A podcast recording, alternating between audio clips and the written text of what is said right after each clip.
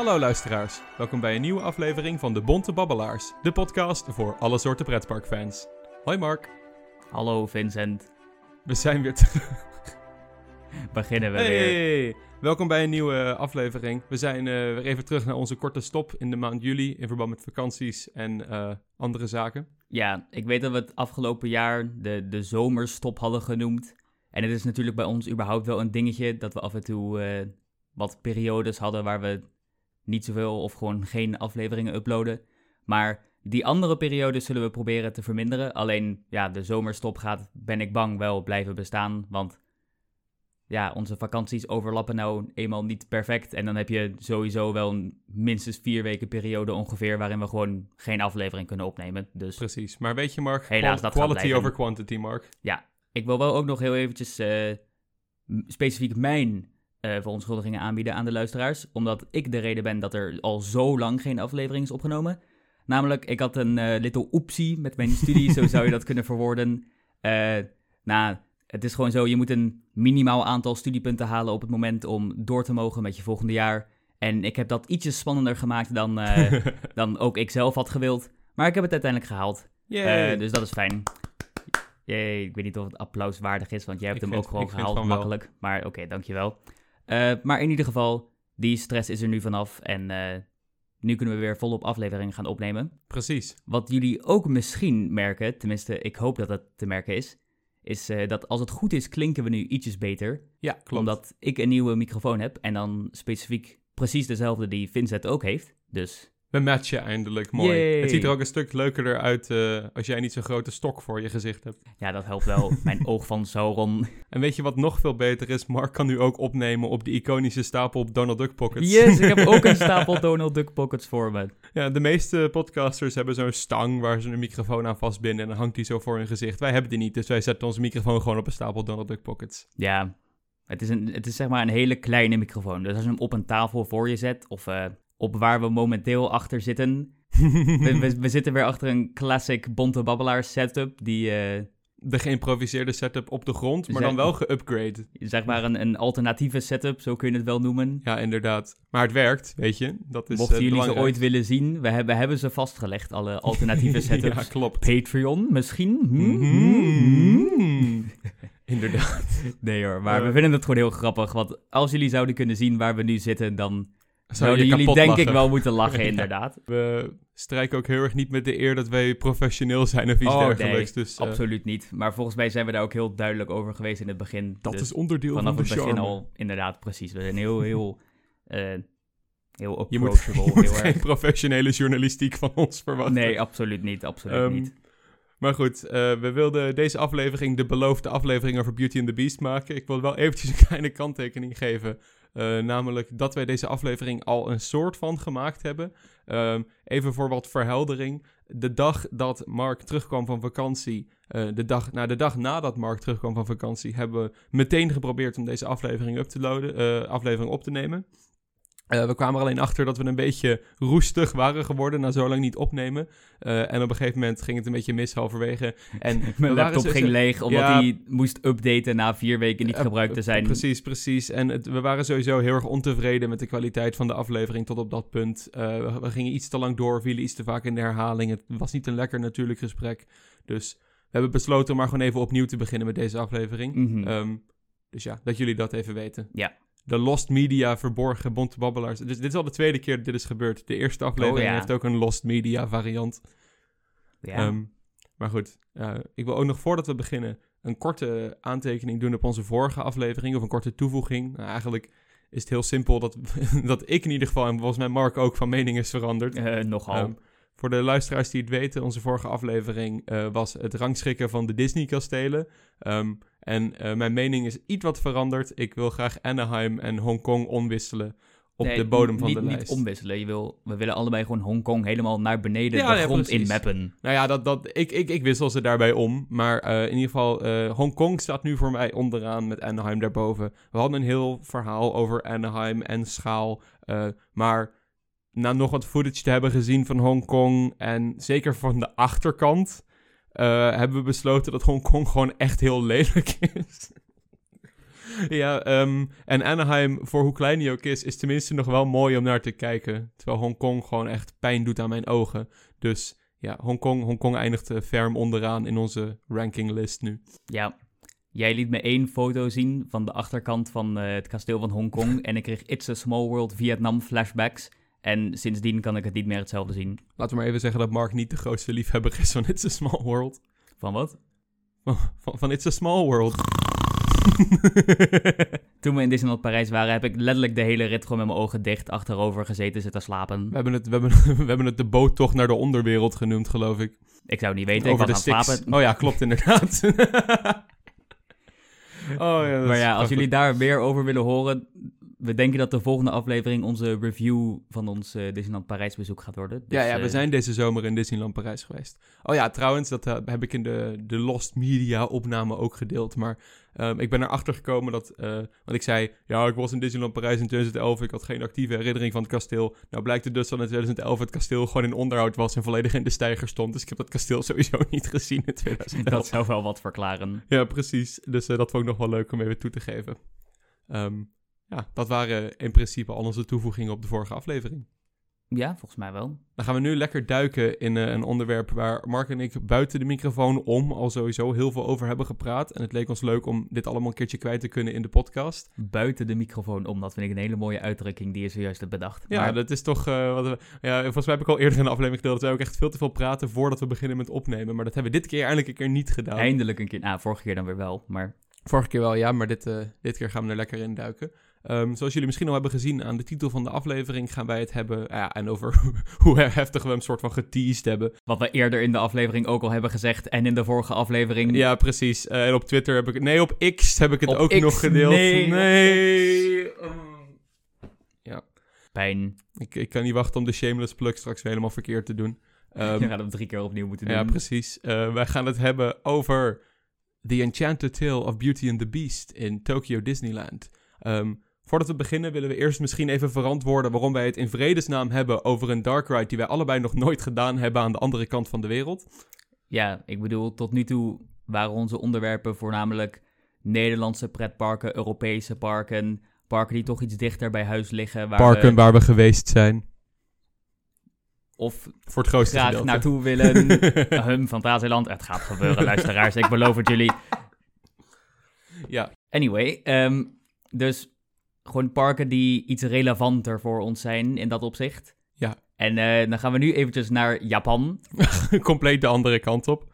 Maar we hebben er een goede reden voor. Ja, eh, de reden waarom wij dat willen doen is omdat wij een soort rare persoonlijke, ik wil niet zeggen persoon, nou eigenlijk wel gewoon persoonlijke band hebben met deze attractie. Ehm, het zit zo. ehm, ten eerste hebben wij gewoon allebei sowieso een hele grote voorliefde voor de Beauty and the Beast als film, Beauty and the Beast als IP. Ehm, in ieder geval, de, de Disney-film is denk ik wel mijn favoriet. Eh, De originele trouwens, De niet de live-action Nee, nee, nee, nee, nee. I was the one. niet, niet de live-action versie. Maar we gaan natuurlijk niet te veel duiken in de film. Maar het is in ieder geval voor mij een persoonlijke favoriet. Voor mij ook. Ehm, Een, een van de, of misschien zelfs wel de beste klassieke Disney-film. precies, van de, de Disney Renaissance natuurlijk. Over de Renaissance gesproken. eh, ik heb inmiddels The Little Mermaid gekeken met Mark en, eh, op een keer op een filmavond. Dus moest gebeuren, moest moest- gebeuren. we hebben gelijk de, de, de tijd genomen om Kleine Zeemermin 2 te kijken. Maar Ik weet niet of dat ook zo'n goede daar beslissing daar was, ga ik maar geen woorden aan vuil maken. we hebben het Ehm, gedaan. We hebben het in, ik heb in ieder geval de hele Kleine Zeemermin franchise even meegekregen. Voor, Is er een Beauty and the Beast 2? Er zijn, er zijn volgens mij meerdere Beauty and the Beast eh, sequels. Volgens mij is er eentje waar, waar Tim Curry een levend orgel speelt. Ik ga gewoon even negeren dat je dat hebt gezegd. Er is maar één Beauty and the Beast film. Er is, één, er is één goeie. Eh, Disney had in de jaren 2000 zo'n rare fase waar ze allemaal direct-to-DVD sequels eh, uitbrachten die allemaal van, eh, ja, een beetje matige kwaliteit waren. Maar zo ook hebben ze een paar van Beauty and the Beast gemaakt. Die trouwens compleet de, de, de pacing van de originele film verstoren. Maar Ja, maar dat doen, Zoals al, zei. dat doen al die sequels. Ja, nee, precies. Maar eh, we, we zijn natuurlijk geen, eh, geen filmpodcast. Daarvoor moet je naar onze tweede podcast, de Trammeland de Tuimelaars. Die eh, niet bestaat. Die niet maar mocht bestaat. er interesse voor zijn om, om ons een uur lang te horen, te horen zeiken over de Beauty and the Beast live-action remake, dan, dan kan dat gebeuren. Het kan inderdaad misschien nog een keer gebeuren. Denk het niet, ook. Ik denk het ook niet. Ik heb over pretparken nou net iets meer te zeggen. Inderdaad. Over pretparken gesproken. Beauty and the Beast. Beauty and the Beast. Maar dus, we hebben in ieder geval een voorliefde voor de film. En ook in ieder geval eh, voor mij en ik geloof voor jou ook, Mark, werd deze attractie aangekondigd en gebouwd een beetje op het moment dat wij net echt, echt goed pretpark-fan aan het worden Mhm, waren. Ja. Ehm, ik weet nog wel dat toen de attractie aangekondigd werd, ik geloof dat dat in 2017 of 2018 was, eh, kreeg het nog heel weinig traction. Er zijn heel weinig mensen keken er echt naar om. Mhm. Eh, er was volgens mij wel één concept art gedeeld, maar ik weet niet. Het, het, viel een beetje under the radar voor de meeste mensen. Eh, maar dat veranderde allemaal in december 2018, toen Tokyo Disney plotseling kwam met een soort workshop teaser video, waar ze een korte demonstratie gaven van de animatronics. En toen was de hele pretpark scene plotseling super hyped voor deze attractie. Wow, die animatronic is best wel mooi. Misschien moet ik maar even gaan kijken naar welke attractie waar die in komt. Precies. Eh, ja, ik denk dat de meeste pretparkfans hier wel mee kunnen relaten. Die teaser video heeft echt ontzettend veel hype teweeg gebracht voor gewoon hoe levensecht die animatronics waren. Ze hadden Mhm. echt prachtige bewegingen. En wat ik vooral heel mooi vond, is dat ze niet zo belachelijk overdreven bewegen zoals de meeste Disney animatronics dat doen. De meeste Disney animatronics voelen voor mij heel erg als opscheppen dat we zulke goede animatronics hebben. Dus we laten hem echt onnodig veel Mhm. en onnodig soepel bewegen. Rondspringen en eh, nou, bijna dan, maar Ja, nee, precies. een beetje Ehm, hyperactief, minder realistisch. Exact, eh, maar deze animatronics be- bewogen echt buitengewoon soepel. En het Mhm. voelde echt heel erg als een cartoon die tot leven was gekomen. Mhm. Ja, ik Met- was heel erg onder de indruk. Met name de animatronic van Bell met de lantaarn, die we later terugzien in de pre-show van deze attractie, is echt heel erg in het oog springend. spoilers. Spoilers! Eh, is een van de meest in het oog springende animatronics die we in die teaser te zien kregen. Mhm. Ik weet ook niet wat er verder eigenlijk nog allemaal te zien was. Die Bell animatronic is Volgens mij nog een animatronic van het paard en de animatronic van de Bell en, en de Beast die aan het dansen zijn. Die van Bell is gewoon... Van de pre-show is me gewoon echt het meest bijgebleven. Ja, ja, Maar- dat was volgens mij ook de thumbnail van de workshop eh, Insider Ja, video. zou zomaar kunnen. Maar vanaf toen eh, zijn Mark en ik de bouw in ieder geval echt heel actief gaan volgen van die attractie. Ik denk heel actief is misschien een beetje overdreven. Nou, oké, maar, maar... meer actief dan je zou doen voor een, eh, zo'n internationale attractie. Ja, ik bedoel, zelf volg ik internatio- internationale attracties niet heel erg. Af en toe wat in Amerika. Ik voornamelijk dan achtbaanprojecten, want dark rides komen ook gewoon minder vaak voor. En dan Ja. af en toe Disney of bijvoorbeeld, ik volg de bouw van eh, Epic Universe best wel actief. Ehm, Omdat het gewoon cool is. ja, en dan af en toe kijk ik naar bijvoorbeeld de uitbreiding in Tokyo Disney Sea of dat soort dingen. Maar daar ga ik nooit heel diep op in. En voor Beauty and the Beast was ik toch wel echt heel erg hyped. Ik vind Tokyo Disney toch wel een van de leukere om te volgen. Omdat Tokyo Disney natuurlijk... eh, volgens mij de meeste mensen die genoeg interesse hebben om deze podcast te luisteren... weten dat al, maar voor de kleine groep mensen die het niet weet... Tokyo Disneyland is niet eigendom van de Walt Disney Company. Het is eigendom van een extern bedrijf genaamd de Oriental Land Company... eh, die de rechten van de Disney-personages beheert. eh, en daarmee eh, veel grotere budgetten tot zijn beschikking heeft om attracties te bouwen. Ik weet niet of ik dat zou zeggen, maar Nou, Ja, hun, toch, hun projecten... Wat het is, als, is je, dat als hun... je kijkt naar eh, Galaxy's Edge, dan... eh, Ja, nou, hun projecten worden veel minder belemmerd door budget cuts. Eh, wat er vaak gebeurt in Tokyo is dat een attractie echt opgeleverd wordt zoals die ontworpen is. In plaats van dat Mhm. er in het proces heel veel aangepast wordt. ja, ik weet niet. Ik, ik weet daar zelf niet genoeg over om daar een uitspraak over te doen. Of dat met het budget te maken heeft of iets. Maar in ieder geval, Tokyo Disney heeft volgens mij een hele goede reputatie als het gaat om het eh, opleveren van attracties. Ja, want ze houden zich heel vaak gewoon aan hun concept art en aan hun beloftes. En, Mhm. en leveren alles gewoon dus echt op zoals imagineerd.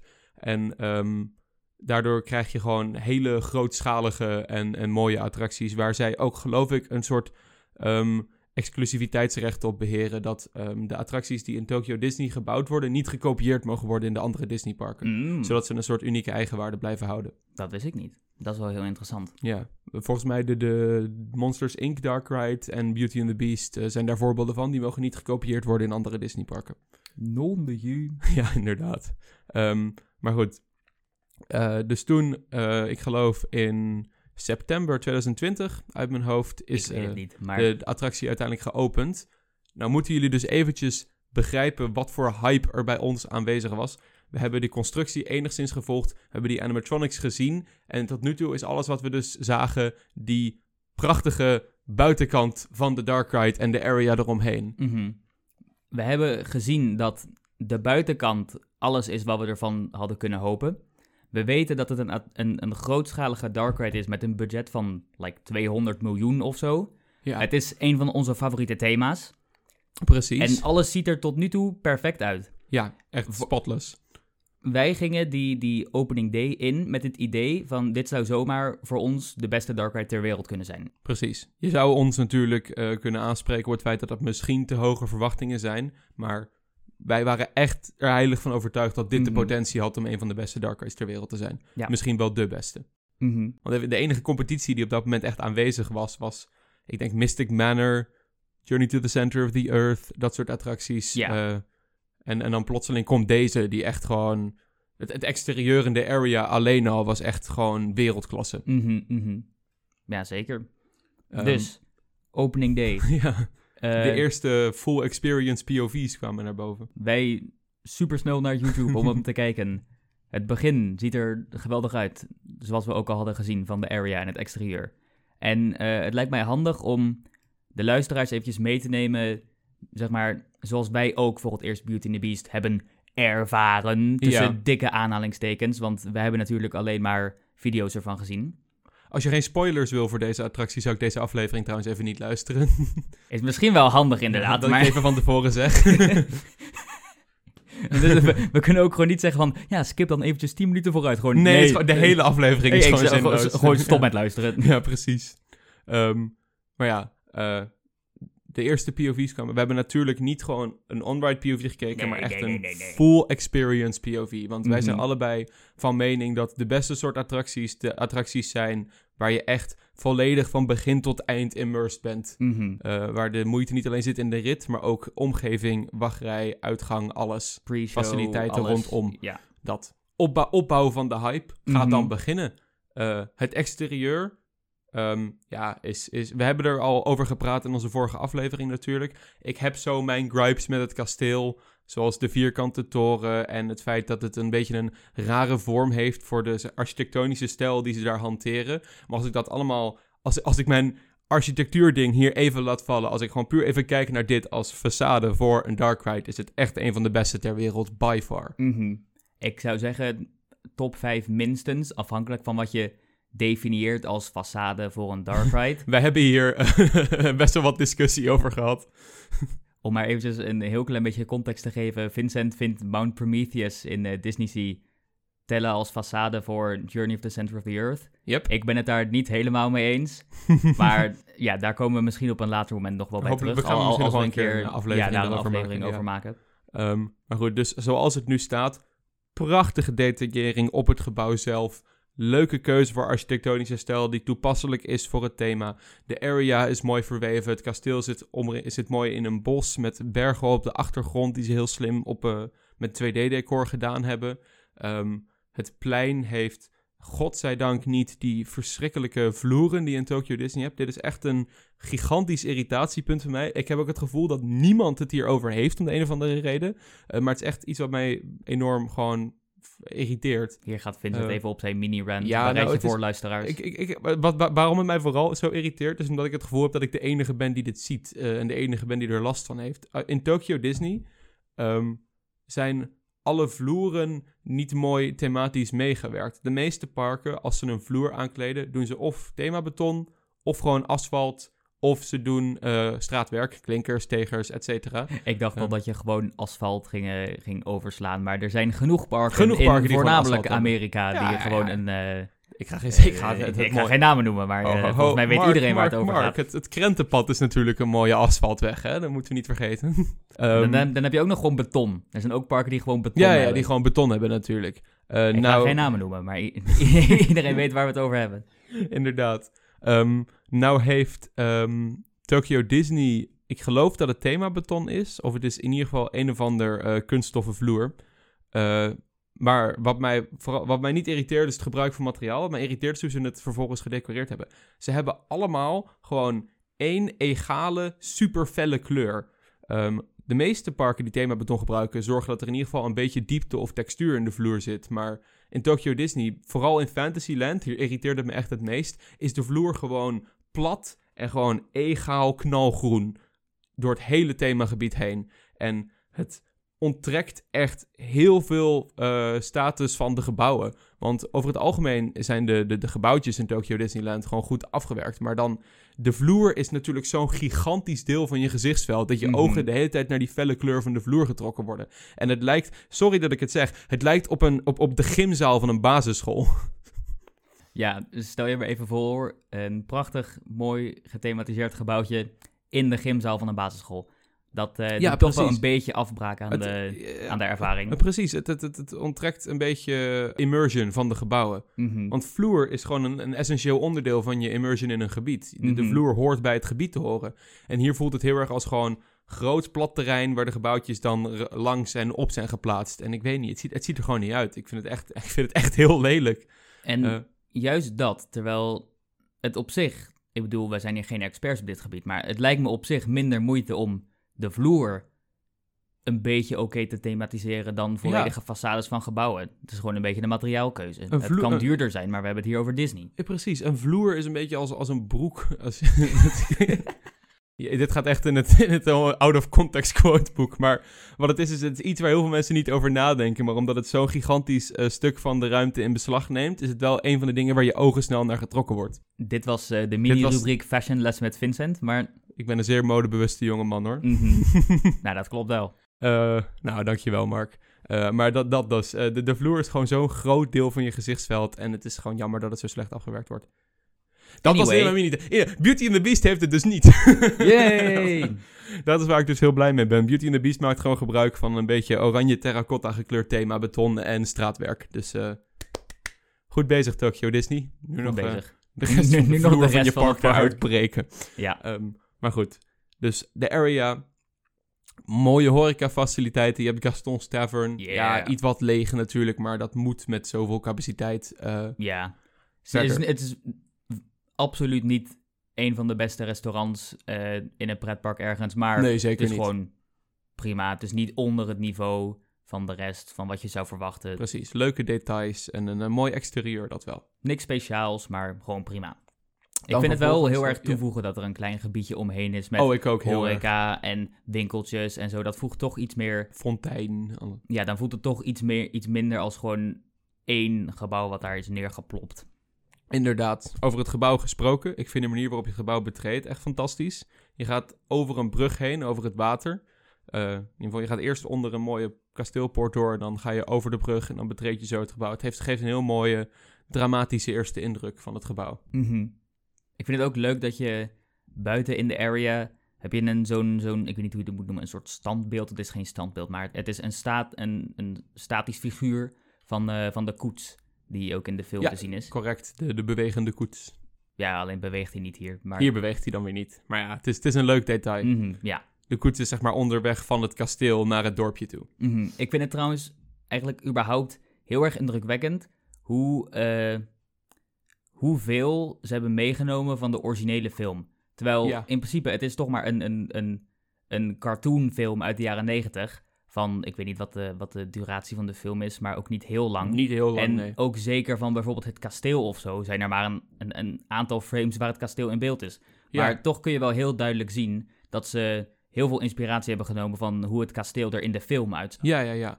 Wat ik ook heel leuk vind aan eh, deze Dark Ride, gewoon als eh, gewoon conceptueel, is dat dit in feite gewoon eh, zo'n Fantasyland Dark Ride is, zoals de originele Fantasyland Dark Ride, zoals Snow White Scary Adventures en Pinocchio's Daring Journey. Maar dit is Niet eigenlijk... 2D! graag- ja, maar dit is graag hoe ik zo'n Fantasyland Dark Ride eh, in de 21ste eeuw graag zie. Mhm. Namelijk, wat, wat, wat- de Fantasyland Dark Rides allemaal doen, is gewoon de film samenvatten in eh, Dark Ride vorm. En dat is eigenlijk ook wat deze doet. Maar deze doet het gewoon op een veel betere, effectievere schaal. Mhm. De eerste stap werd al gezet met Ariel's Under the Sea Adventure. dat, is in, al eh, een, Magic een- dat Kingdom. was al een mooie intermediate. En in, wat is het, in California Adventure staat er geloof ik nog één. Dat is al een goed voorbeeld van een Fantasyland Dark Ride plussen naar de tegenwoordige Disney standard, tussen aanhalingstekens. Mhm. En eh, dit is daar ook weer een mooi voorbeeld van die weer de volgende stap zet. En daarmee ook dus een grootschaligere film neemt. Ja, ik bedoel, ik, ik snap het idee van de... Nee, wacht, hier moeten we eigenlijk niet te veel op ingaan, want nee, hier nee, komen we nog op terug hier bij komen we de nog op terug Disney in onze Disney review, inderdaad. Maar eh, ik voeg toch even toe voor deze attractie. Mhm, ja. Dus en, en dat, dat ligt ook mooi in lijn met wat jij net zei. Dat ze heel erg goed veel elementen uit de film weten te incorporeren in deze attractie. Mhm. Voor hoe kort de film eigenlijk is. Dus daarin hebben de ontwerpers heel hun best gedaan. Ik vind ook het entreebord erg mooi. Absoluut. Nou is het wel immersion breaking, want waarom zou de beest Waarom op zou er zijn... een entreebord staan Waarom bij het zou, kasteel van de waarom beest? zou het beest op zijn kasteel een entreebord hebben gezet met... de- Dat is toch niet logisch? Ja, ik vind het wel lief dat hij op dat entreebord eh Belle Beauty heeft genoemd. Ja. la Belle et la Bête. Eigenlijk zou haar naam in het Engels gewoon Beauty moeten zijn. Inderdaad, inderdaad.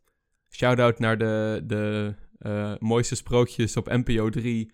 De Duitse Beauty and the Beast, gedubt door eh, Vlaamse mensen ehm, die ik als kind heb gekeken. Ik heb echt geen idee waar je naartoe ging met die Voor de, mensen, voor de mensen die weten waar ik het over heb, die herkennen dit wel. Volgens mij heb ik nu een of andere duistere jeugdherinnering heropgewekt bij sommige mensen. Maar ehm, ja, sh- shout-out naar die. Shout-out naar die mensen. Nee, er is gewoon echt een, echt een, een ungodly hoeveelheid gewoon rare Duitse films van sprookjes die dan vervolgens in het Vlaams gedubt zijn. Ik ben erg Die ik als kind heel veel gekeken heb. Ik ben erg benieuwd. Ja, trauma's aan repelsteeltje hoor. maar goed, eh, we gaan weer verder naar de attractie. Eh, dan gaan we, betreden we dus de wachtrij. Ehm, je betreedt de wachtrij niet via de hoofdpoort, via de grote poort, eh, de voordeur van het kasteel. Je gaat als het ware via een gaanderij aan de linkerkant naar binnen. Nou vind ik dat niet heel erg, om een reden waar ik later nog op terugkom. Ja, dan moeten jullie maar heel eventjes blijven luisteren. Ja, inderdaad. Eh, wachtrij, ja. de, wa- de wachtrij is echt heel goed. Ja, brand los. Eh, Eh. een van de beste wachtrijen van een attractie, period, vind ik tenminste. Ja, absoluut.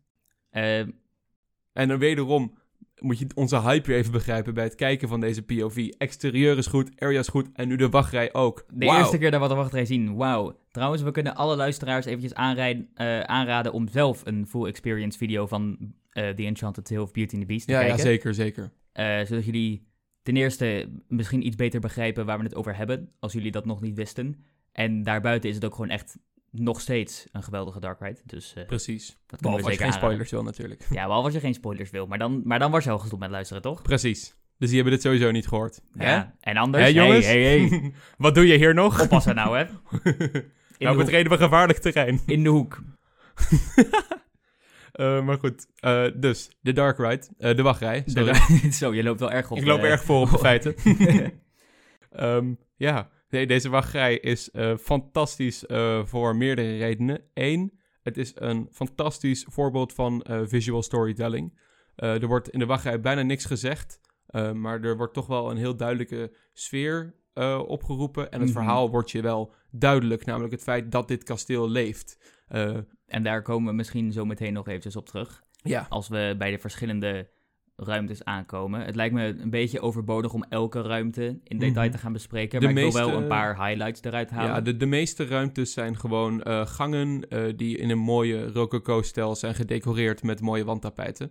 Helemaal in Franse stijl met mooie klavensymbolmuziek op de achtergrond om bij, de, bij het thema te passen. Mhm. Schitterend behang, plafonds, vloeren, wanden, alles afgewerkt. Allemaal immersive. De ruimtes lopen logisch in elkaar over. Alles klopt grotendeels architectonisch met Mhm. de stijl waarvoor ze gegaan zijn in het kasteel. En Waar, alle, fantastisch. waar een boel internationale bezoekers en ook wij natuurlijk Symbolica ook voor prijzen. Dat het echt 300, eh, 360 graden om je heen. Precies. Alles overal is gethematiseerd. Het plafond, de vloer, alles. Dus er is nergens iets waar je aan kan zien van... hé, hey, dit is een attractie. Precies, we lopen door een loods heen, dat. Mhm. Wat mij eh, ook opviel... We hebben ter voorbereiding van deze aflevering ook een paar aantekeningetje, aantekeningetjes gemaakt. En ik heb natuurlijk ook dan weer eventjes zo'n full experience video gekeken... om mijn Ja. geheugen te, te refreshen.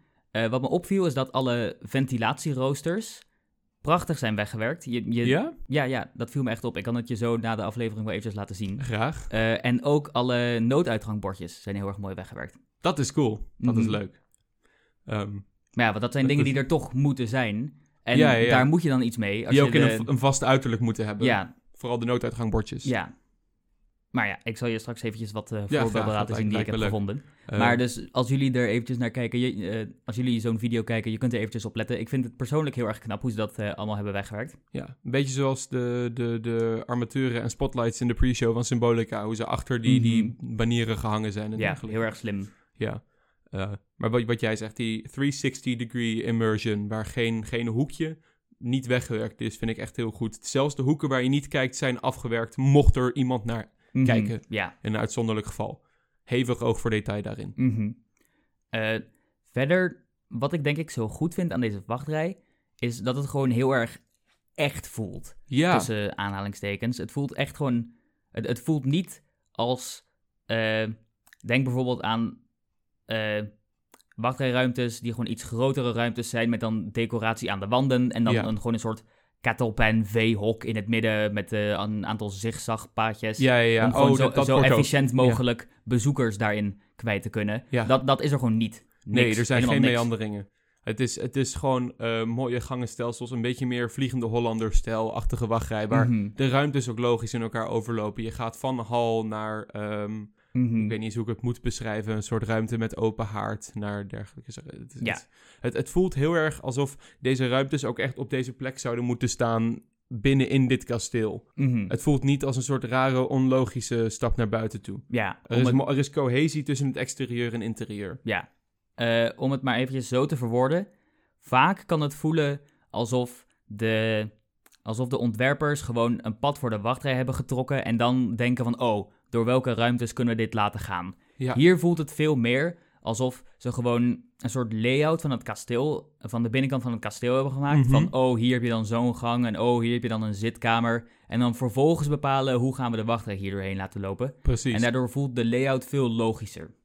Ja, mee eens. En dan verder heb ik ook gewoon op een architectonisch kunstzinnig, architectonisch kunstzinnig niveau, alles is heel echt. Alle in de, in de keuze van materiaal, ik geloof dat het wel heel veel kunststof is natuurlijk, maar bijvoorbeeld die wandtapijten en dergelijke. Dit is allemaal gewoon, ja, het, het, is, het, het doet me heel erg denken aan de hoofdshow van Villa Volta op die manier, waar het echt gewoon niet zou misstaan als, als echt Frans kasteel. Het omdat past. het gewoon, het past, het is toepasselijk. En de decoratie voelt veel minder eh, pretpark theming elementen die je gewoon plaatst om de ruimte op te voelen. Maar het voelt allemaal heel logisch uitgewerkt en heel erg eh, slim in de tijd geplaatst. En alles is, heeft daarin gewoon goede cohesie. Als ik eventjes één highlight van de wachtrij eruit mag halen, mijn persoonlijke favoriete ruimte, en volgens mij die van jou ook, Mhm. dan eh, is het een ruimte, ik weet niet precies waar die is in de wachtrij, volgens mij ergens halverwege. Ja, rond, Eh, rond halverwege. ja. Eind halverwege. Heb je, daar kom je op een gegeven moment door een gangetje, eh, waar allerlei harnassen aan de zijkanten staan. Ja, Dat is een soort, ik een de- soort de meest- armory-achtige ruimte. Ik weet niet echt of het een armory Nee. is, het is meer gewoon een gang met harnassen. De- Maar decoratieve ja, de harnassen zijn echt wel de,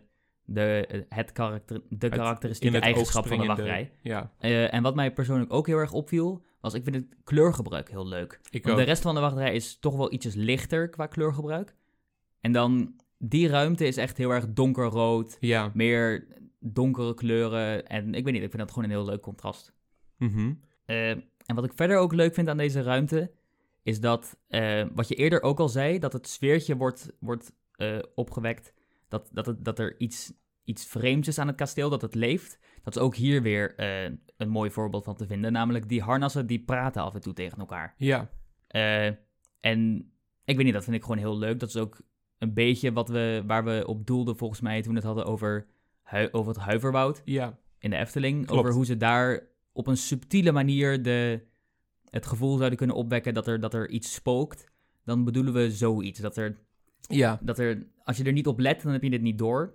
Of misschien, Dan voelt het, voelt het af. ja, inderdaad, zoiets. Iets, niet, niet in your face, maar op de achtergrond. Ja, het gevoel dat je misschien bekeken wordt of iets dergelijks. Een Ehm, ander leuk voorbeeld van... Ja. eh, oh ja, nou, volgens mij gaan we naar Ja, hetzelfde. we gingen allebei naar hetzelfde doen. Een ander leuk voorbeeld is inderdaad eh, de hond die in een voetenbankje is veranderd, waarvan het flosje subtiel heen en weer kwispelt af en toe. Ja, dat is een van de eerste ruimtes van de wachtrij volgens mij. Ja. Dan, dan heb je een, een stoel bij een open haard. Ja, En daar staat dan dat voetenbankje. En af en toe dan, dan kwispelt hij heen en weer ja, als de hond die het is. Nou, het is Ja, het is precies. letterlijk een hond die in een voetenbankje is veranderd. Maar Mhm. ja, ik vind het gewoon heel leuk. ja, ik vind het ook echt heel leuk. Ja, ik vind het... eh, Ik, ik, ik, ik, durf niet te zeggen beste wachtrij of iets dergelijks, omdat ik nog altijd even vergeet waar ik het mee vergelijk. Mhm. Maar in ieder geval één van de Fantastisch. Ja, het is in ieder geval echt van, van hoge schaal en ik heb er echt vrij weinig op aan te merken. Mhm. Misschien heb ik er wat meer op aan te merken als ik hem zelf ervaren heb, maar van alles dat ik nu weet, is hij echt fenomenaal. Ja, wat ik ook nog eventjes eh, wil benoemen, is de hoeveelheid detail die in deze wachtrij is gegaan, is ook echt absurd. Ik weet niet of het jou was opgevallen, eh, maar als je bijvoorbeeld kijkt naar... Ik weet niet zo goed hoe het zat in het eerste deel van de wachtrij, maar als je kijkt naar de lichten, eh, na de, de, de ridderruimte, naast de harna, na de harnasruimte, daar zag ik echt een paar gewoon lampen waarvan ik dacht, waarom zou je zo'n ongelofelijke hoeveelheid detail in een lamp zetten waar men zo langs loopt? Ja. Maar ja, die zal ik je zo ook nog even laten zien. Ik Ja, raad de luisteraars gewoon aan om die Ja, video te kijken. Wat, ik, wat, ik gewoon, wat, wat, wat echt gewoon heel goed is in deze wachtrij, is je hebt, het, het ziet er allemaal niet gemaakt uit. Je hebt zeg maar kunstzinnig, architectonisch, goed en kloppend. Maar ja, stel dat ik, als ik een, een, een, kasteel of een paleis zou indelen, dan zou ik natuurlijk niet eh kunst voor. Je hebt, ik heb heel vaak met pretpark thematisering. Is, ik heb het heel erg in parken als bijvoorbeeld Toverland, waar je wel heel duidelijk ziet dat iets theming is, waar ze het wel Mhm. heel kunstzinnig in elkaar en gemaakt in elkaar hebben gezet. Mhm. Terwijl ik veel liever heb dat je met echte materialen omgaat. Nou hoeft echte materialen niet, maar dat je in ieder geval dezelfde methodes toepast. En dat is voor mijn gevoel hier heel erg goed gedaan. Ja, ik weet niet of we dan nog iets over de wachtrij hebben te zeggen. Nee, dan, dan gaat de wachtrij mooi over naar de pre-show, waar we wel weer wat over te zeggen hebben. Transition. Ja, inderdaad. Ehm, de pre-show, kan ik lekker terugkomen wat ik net wilde zeggen. Je gaat niet via de voordeur naar binnen, omdat ze echt op briljante wijze eh, de pre-show ruimte... Nou ja, briljant, misschien is dat een beetje overdreven, maar ze hebben eh, de pre-show ruimte direct achter de voordeur gezet. De pre-show ruimte moet de entreehal voorstellen met de trap en het grote glas- en loodraam. En die staat ook echt achter de poort als voordeur. Eh, dit is waarom je dus niet via de poort naar binnen gaat, want dan zou je de mooi gethemede wachtrij missen. Dan zou je direct de pre-show ruimte binnenlopen. Mhm. Maar doordat ze het zo gedaan hebben, eh, klopt de pre-show ruimte wel qua locatie met hoe die zou moeten liggen in de context van hoe het gebouw in elkaar zit. En dat is heel goed. Ja, het is ook echt iets van, ik denk, als je, dit, als je het niet weet, zouden zelfs pretparkfans dat niet doorhebben. Maar het is wel een heel, een, een heel leuk iets waar je toch kunt zien van, oh, nou, dit past zo perfect. Die- dit, dit moeten ze wel expres hebben gedaan, denk ik. Ja, precies. Het, het, het, het, het lijnt heel mooi eh, op in elkaar. En je hebt ook twee, Mhm. de, de, de poorten die zeg maar van links en rechts de vestibule ingaan. Zijn natuurlijk logischerwijs de poorten waar je van, waar, waarvan je via de vestibule weer de rest van het kasteel gaat betreden. Mhm. En de trap is ook weer een mooi voorbeeld van wat ik een keer eerder heb benoemd. Het, het, het wekken van de illusie dat er meer ruimte is dan er werkelijk is. Want je, gaat, je brein krijgt de vrije loop om te denken... oeh, wat is er eh, boven die trap? Wat zit er in, op de bovenverdiepingen van dit kasteel? Wat is er achter die deur? ja, wat valt er nog meer te ontdekken? Precies. Mhm. Ehm, dus dat is ook heel goed. Ja, ik denk ook dat eh, gewoon de ruimte is zo groot. En Mhm. dat voegt Imposant. heel erg toe. Ja, imposant. Dat is inderdaad een, een goed woord om het te omschrijven. En dat voegt, vind ik, ook heel erg toe aan eh, gewoon de schaal van deze attractie. Het voelt echt als een, als een groot kasteel, wat Precies, ook dus past bij de- het formaat van het exterieur. inderdaad. Eh, en ook wederom visual storytelling. Eh, wat ik heel goed vind is Japan. eh, uit, uit- Tokyo Disney ligt in Japan. En het is dus logisch dat alle narration allemaal gedaan wordt in het Japans. Maar ik vind het heel fijn dat ze met goede visual storytelling de moeite hebben genomen om eh, het verhaal ook duidelijk te maken voor internationale gasten. Zonder eh, bordjes met vertalingen erop of eh, random Engels door de vertelling heen. Eh, Parijs. Onder andere bijvoorbeeld, maar bijvoorbeeld de Symbolica doet dat heel raar, waar Ja. oh je punctueel plots andere talen begint te praten. Het is heel goed dat ze door visual storytelling is echt een van de meest effectieve manieren om een attractie internationaal toegankelijk te maken. En deze doet het gewoon echt heel goed. In de wachtrij met het subtiele leefeffect en in de pre-show door middel van het eh, glas in lood effect. Daar Ja. gaan we het nu lekker over hebben. Want eh, hoe deze pre-show dus werkt, is eh, aan het einde van de trap in de achterwand eh, heb je een glas- en loodraam. En net als in de film, eh, Oh. in, in de film wordt aan het begin het verhaal, het achtergrondverhaal uitgelegd eh, in een glas- en loodraam. Precies. En dat is hier ook zo. En dat vind ik ten eerste gewoon een enorm leuke reference.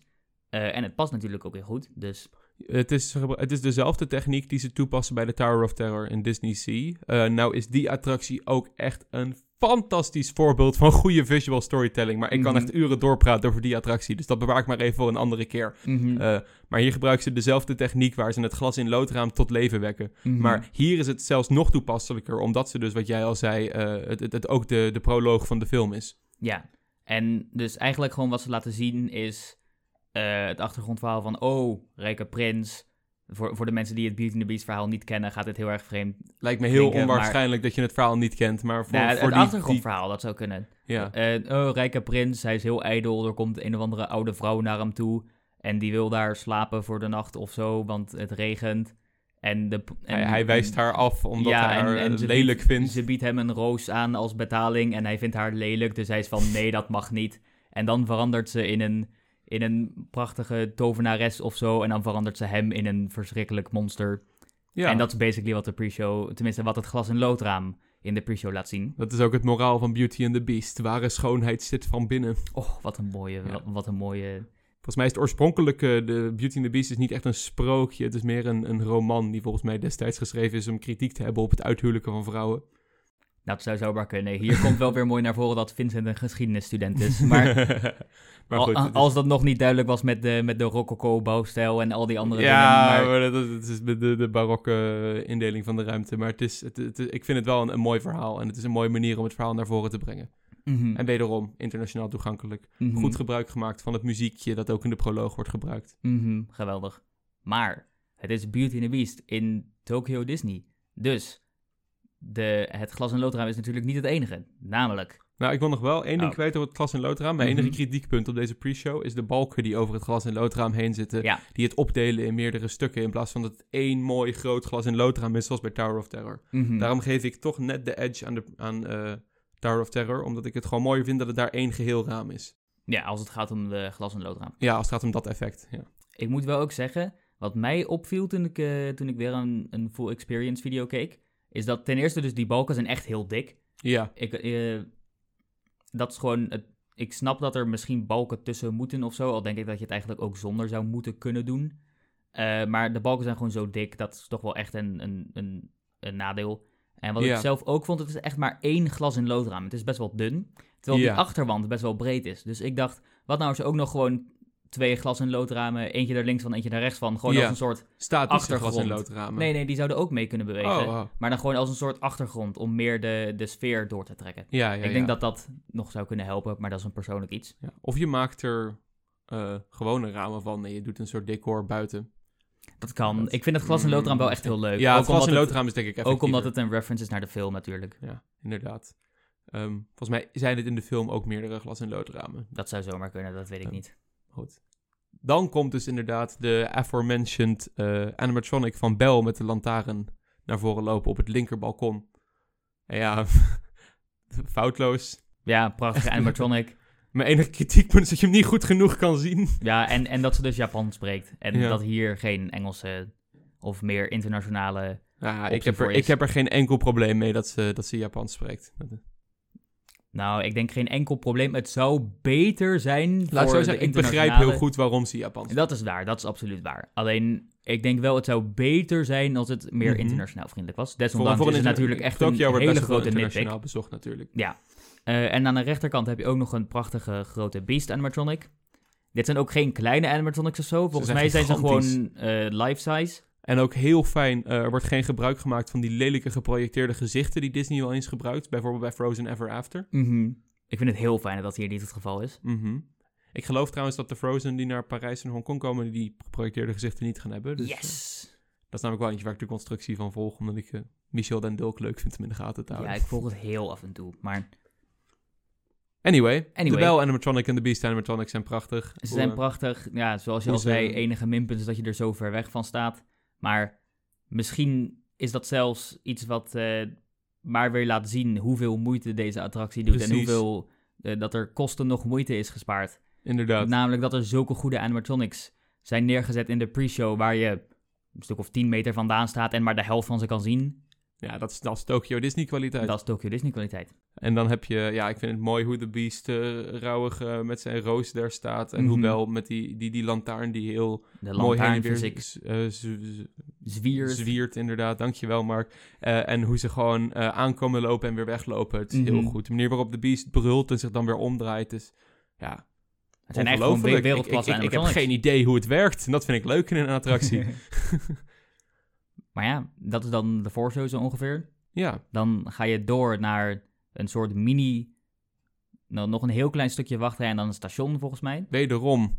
Begrijp de hype. De voorshow is Tot ook- nu toe is alles Tot nu toe is alles perfect. perfect. Nou, perfect natuurlijk niet, maar het is, het is echt heel... Het, he- het is beste Dark Ride ter wereld materiaal, zeg maar. Mhm.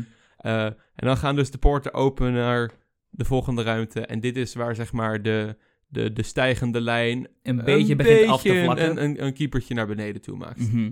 Ik vind eh, die laatste wachtrijruimte en ook het station. Ik denk eh, dat ik het een beetje kan vergelijken met wat wij altijd als het probleempunt zien van het station van Max en Moritz. Ja, Eh, namelijk vooral het station hier dan. Ik denk het stukje, mini-stukje wachtrij is gewoon dat ze de capaciteit zo goed mogelijk al meteen over het station willen verdelen. En daarom heb je gewoon een best wel grote ruimte nodig.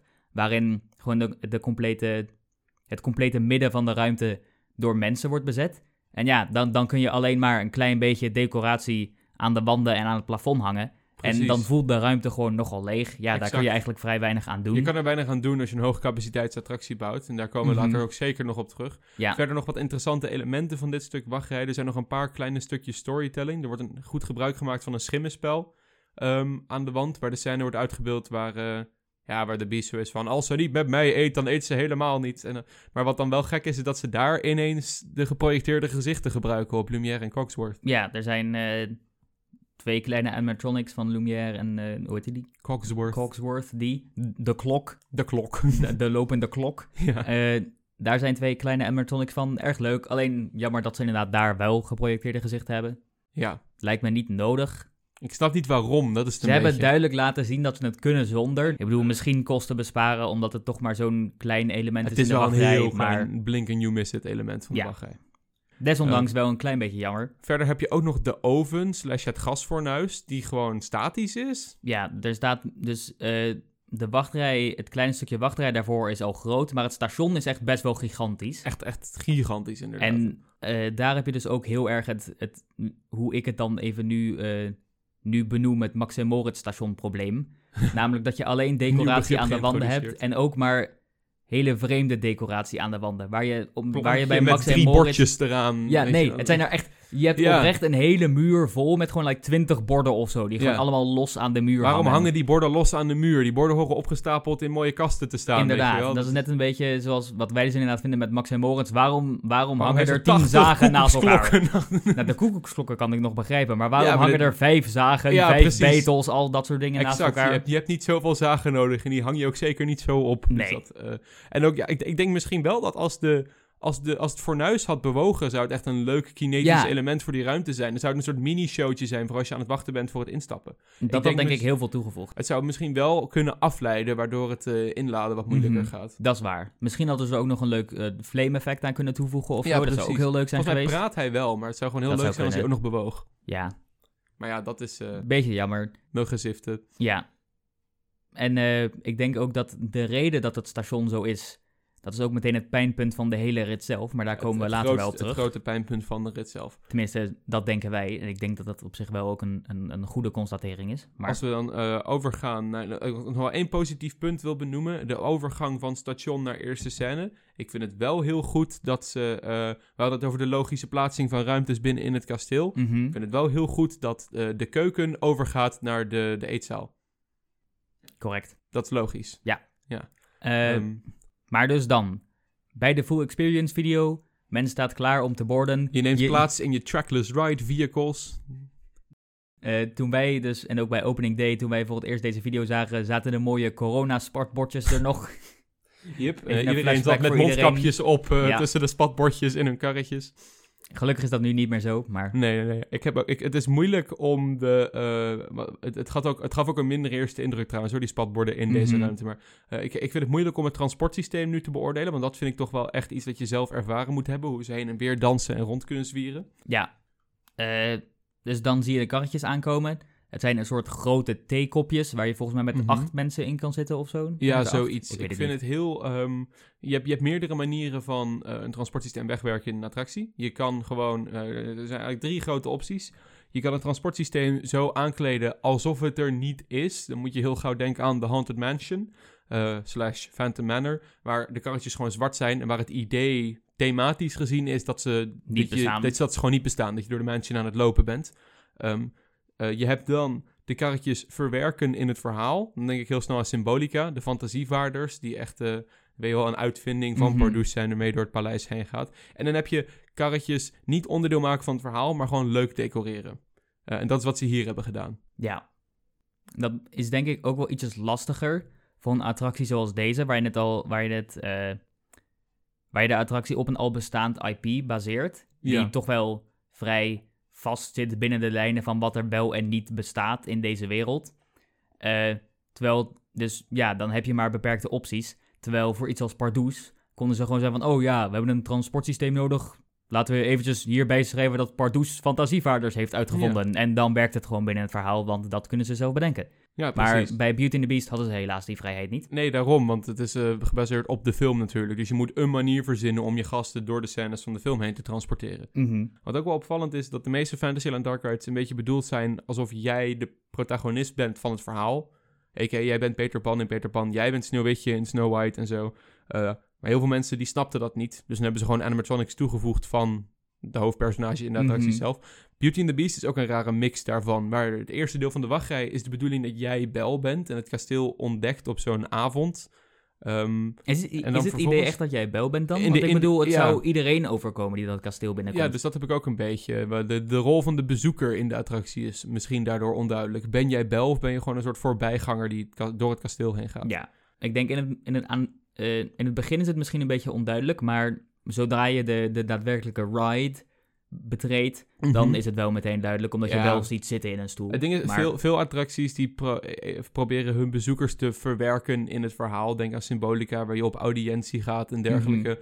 Ik vind dat dat niet per se nodig is. Je Nee. kan gewoon een, een, een Beauty the spectator zijn, zeg maar. Je kan gewoon een passerby zijn. Ik vind niet dat het noodzakelijk is om jou als bezoeker te verwerken in een attractie. Jij hoeft niet onderdeel te zijn van het decor. Je kan ook gewoon als passieve voorbijganger de attractie ondergaan. Ja, en dat is dus ook wat ze hier doen. Ja, daarom. Dus dat, dat vind ik geen kritiekpunt. Ik vind het namelijk niet essentieel dat je daarmee dat je dat, je, dat, je dat ervaart op die manier. Ja, het, dat heb je niet nodig om een connectie met de attractie te voelen. Precies. Eh, een connectie kun je ook gewoon voelen door hele goede immersion. Ja, en dat doen ze hier eh, zeer goed. Vind Ja, ik tot nu. Ja, tot nu. Oh, oh, oh. Eh, oh, oh, we maar dus in ieder geval, je ziet de karretjes aankomen. Het zijn grote karretjes, zoals ik al zei. Ze zijn in de vorm van theekopjes. Mhm. En eh, ze kunnen een beetje heen en weer schommelen. het, het danseffect, Ja, wat later belangrijk wordt. mhm. hoe effectief dat overkomt op de bezoekers is maar de vraag. Wij Mhm. zouden het niet kunnen zeggen, want we zijn er niet geweest. Maar ja, Ja, wat, wat ik even moet delen over deze attractie voordat die begint, is eh, het iets dat heel belangrijk is om te begrijpen over deze attractie, is dat dit niet een traditionele dark ride is zoals je die vaak ziet. De meeste dark rides eh, hebben gewoon een, een doorlopend transportsysteem waar je echt van scène naar scène wordt getransporteerd. De- deze dark ride is meer een show-attractie. Eh, in de zin dat, je, eh, dat er maar weinig scènes zijn. En het idee is vier, dat je dan- vijf, afhankelijk van hoe je het eh, definieert. hoe je het telt natuurlijk. Maar het zijn maar weinig scènes. En het idee is dat je juist heel lang in de scène blijft. En de scène een beetje transformeert terwijl je erin bent. Waardoor elke scène een soort show is op zichzelf. Mhm. In plaats van dat elke scène een vaste loop is. Waar je dan gewoon doorheen getransporteerd wordt van scène naar scène. Ja, Dus in die zin is deze Dark Ride heel anders dan de meeste Dark Rides. Ehm, zeker. is dat goed? Is dat slecht? Is persoonlijke voorkeur? Mhm. ik neig wat meer naar de traditionele Dark Ride. Ik Ja. vind dat hoe, als je heel lang in een ruimte blijft, dat je dan snel de limitaties van een ruimte kan zien. Ja, Eh, inderdaad. Waar we zeker ook dus eh, even Ik- op doorgaan. Ik denk dat Symbolica een beetje een, een gezonde mix is tussen de twee. Want je blijft niet lang in ruimtes, maar in tegenstelling tot een boel andere ruimtes ga je wel bijna overal eventjes stilstaan Ja, dat wel. om Iets. iets te bekijken. dat ook alleen mogelijk is met het trackless ride systeem. Ja, Ehm, dit is trouwens ook een van de grootste kritiekpunten die trackless dark rides krijgen. Het, het hele stil blijven staan in scènes en dergelijke. maar dat hoeft helemaal niet. Het hoeft Dus niet het is per gewoon se. een, het is een keuze van het park. Bijvoorbeeld precies. kijk naar het, eh, het observatorium, daar ga je gewoon in één keer doorheen. Ja, precies. Dus eh, ja, persoonlijke voorkeur en persoonlijke keuze van het park. Eh, hier heeft het park in ieder geval ervoor gekozen om je niet stil te laten staan, maar je bent wel constant aan het bewegen. Ja. Je bent als het ware aan het dansen op de show die gegeven wordt. Mhm. Eh, maar genoeg eromheen gepraat. Eh, laten we beginnen met de ride zelf. Je zit in je karretje, de deuren gaan open en je betreedt de eerste scène. De Be Our Guest eetzaal scène. De enige scène waar we concept art van hadden. Mhm. Ja. Wat kunnen we erover zeggen? Eh, Ik denk, het is een van de beste scènes van de film.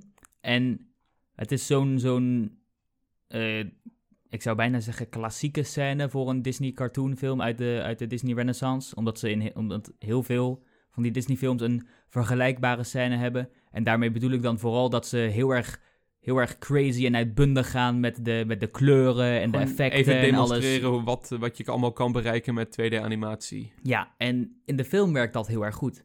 Maar ik was er wel op voorbereid dat ze dat natuurlijk niet even spectaculair kunnen overbrengen in een 3D-omgeving Ja. in een dark ride. Het ding is, in een film kun je alles. Mhm. Je, je, zeker in een, in een 2D animated film. In, in een dark ride als deze ben je gewoon beperkt door techniek. Je bent beperkt door, door show, ruimte, alles. Dus het is, Mhm. Desondanks ben ik toch alsnog wel een beetje teleurgesteld met wat ze hier hebben opgeleverd. ik vind het denk ik wel een van de betere scènes van de attractie. Ehm, ik, Ik, vind weet hem niet heel... of ik het daarmee eens ben. Daar moet ik nog even over nadenken. Ik ben, even, ik ben er ook nog even over aan het nadenken hoor. Maar het is in ieder geval... De, de animatronic van Bell is goed. De animatronic van Lumière is goed. Mhm.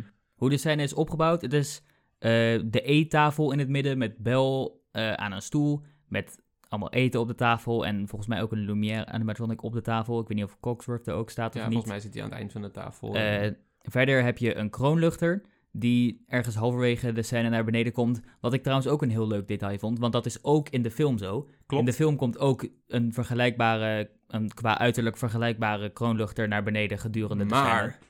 Er is een groot nadeel dat eraan vastzit. Namelijk dat er daardoor een gigantisch gat in het plafond zit. Het plafond is gewoon zwart. Het plafond Systeemplafond. is één groot decor, de, achter de schermen decorplafond waar alle spotlights op gehangen zijn. Dus Eh. alles, wat je, al- alles wat je moet doen om compleet je immersion in die scène te verpesten, is omhoog kijken. Wat, alles wat wij zoveel prezen in eh, de wachtrij, de 360 immersion, dat is hier dus gewoon niet meer aanwezig. Het plafond is namelijk onafgewerkt. De wanden ook, volgens mij zijn ze wel afgewerkt. Maar het is best wel donker in de ruimte en alles is echt heel duidelijk gecentreerd op de tafel. Waardoor de wanden ook heel leeg voelen, vind ik zelf. Ja, De enige dingen die je bij de wanden hebt, is een aantal kasten waar met schermen... kasten, ja. Waar je dan met schermen wat borden voorbij ziet rollen. Nou weet ik niet hoe ze die borden hadden kunnen laten rollen zonder schermen, want het is wel heel intricate hoe ze bewegen, maar... Ja, maar ik vind het desondanks ook gewoon een interessante keuze dat een van de meest spectaculaire effecten in de Ja. ruimte een stijl rollende borden van een scherm is. Ja, vind ik jammer. Maar je, je wordt er echt even op gefocust, zeg maar. Ja, je, je draait helemaal weg van de tafel om met je karretje naar zo'n kast te gaan te kijken, kijken. waar een aantal borden aan het rollen Nou hebben zijn. Mark en ik een vrij heldere filosofie als het gaat over het gebruik van schermen in dark rides. Mhm. Dit is het niet. Nee, dit, dit, dit is niet dit. Eh, wij zijn heel erg eh, ferm gelovers van fysiek decor wint altijd. En het, je zou nooit eh, schermen moeten gebruiken als vervanger voor iets dat je met fysiek decor zou kunnen Nee. doen. Schermen kunnen daadwerkelijk wel een hele goede rol vervullen in bijvoorbeeld achtergronden. Exact. Maar hier is het gewoon heel erg, ja... Ik zei wel, ik weet niet wat ze anders hadden kunnen doen met die borden. Andere techniek, andere dingen. Of misschien gewoon niet de borden doen. Nee. Maar iets anders. Ik, ik, ik, het jammer is dat ik Mhm. even niet snel zou weten hoe ze het hadden moeten oplossen. Want de, de, de grote probleem van deze scène ligt gewoon heel erg in het verlengde van het grote probleem met deze attractie. Zullen we maar gewoon meteen we- met de deur ja, naar huis vallen dan? de, de luisteraars langer in spanning houden. En gewoon echt het grootste probleem met deze attractie delen. Tromgeroffel. Eh, Tokyo Disneyland is een van de populairste attractieparken ooit. Dus het was eh, natuurlijk Tokyo. Tokyo heeft een gigantisch inwonersaantal. En er komen er ook nog heel veel internationale toeristen. Ehm, dus attracties moeten altijd high capacity zijn. Eh, waar, wat de, waar dat voor zorgt bij deze attractie... is dat de eh, scènes heel groot en heel leeg zijn... omdat er een heel lomp transportsysteem doorheen moet gaan... waar heel veel mensen in moeten kunnen plaatsnemen. Mhm. Eh, dus dan worden de scènes automatisch meteen beperkt door hun schaal. Ja. Ik weet niet hoeveel karretjes het zijn die per keer gedispatcht worden. Volgens mij een stuk of vier. Vier, mij vijf misschien. zoiets. Misschien wel meer. Misschien wel, wel zes. Ehm, Ik weet het niet. Het zijn in ieder geval, eh, qua formaat van de karretjes, moet je denken aan, denk, ik zou zeggen, ongeveer twee fantasievaarders misschien. ja, twee, twee fantasievaarders Anderhalf tot formaat. twee fantasievaarders. Ja, Eh, en als je daarvan dus vier tot zes per ruimte doet, dan moeten de ruimtes echt best wel flink zijn. precies. Ik weet nog dat eh, toen Hartenhof aangekondigd werd, daar was het oorspronkelijke plan Trust me, er is een logisch bruggetje. Er is een logisch Eh, bruggetje. was het oorspronkelijke idee om met zo'n eh, mechanische arm, een soort vergelijkbaar systeem als eh, Forbidden Journey in Mhm. Harry Potter, door Ja. de scènes heen te gaan. Dat zou dan een gigantische arm zijn, Mhm. waar heel veel mensen op konden plaatsnemen. Oh ja, zo'n bank toch, was ja. het idee. En dan heb je ook nog een vrij ruimteprofiel tussen de bank en decorscène zelf. Waardoor ik, ik vreesde dat Hartenhof hetzelfde probleem zou hebben. Waar de ruimtes zo gigantisch moesten worden. Waardoor ze gewoon niet meer mooi, intiem en logisch kon afwerken. Omdat ze heel groot en heel leeg zouden zijn met alle decoratie aan de wanden.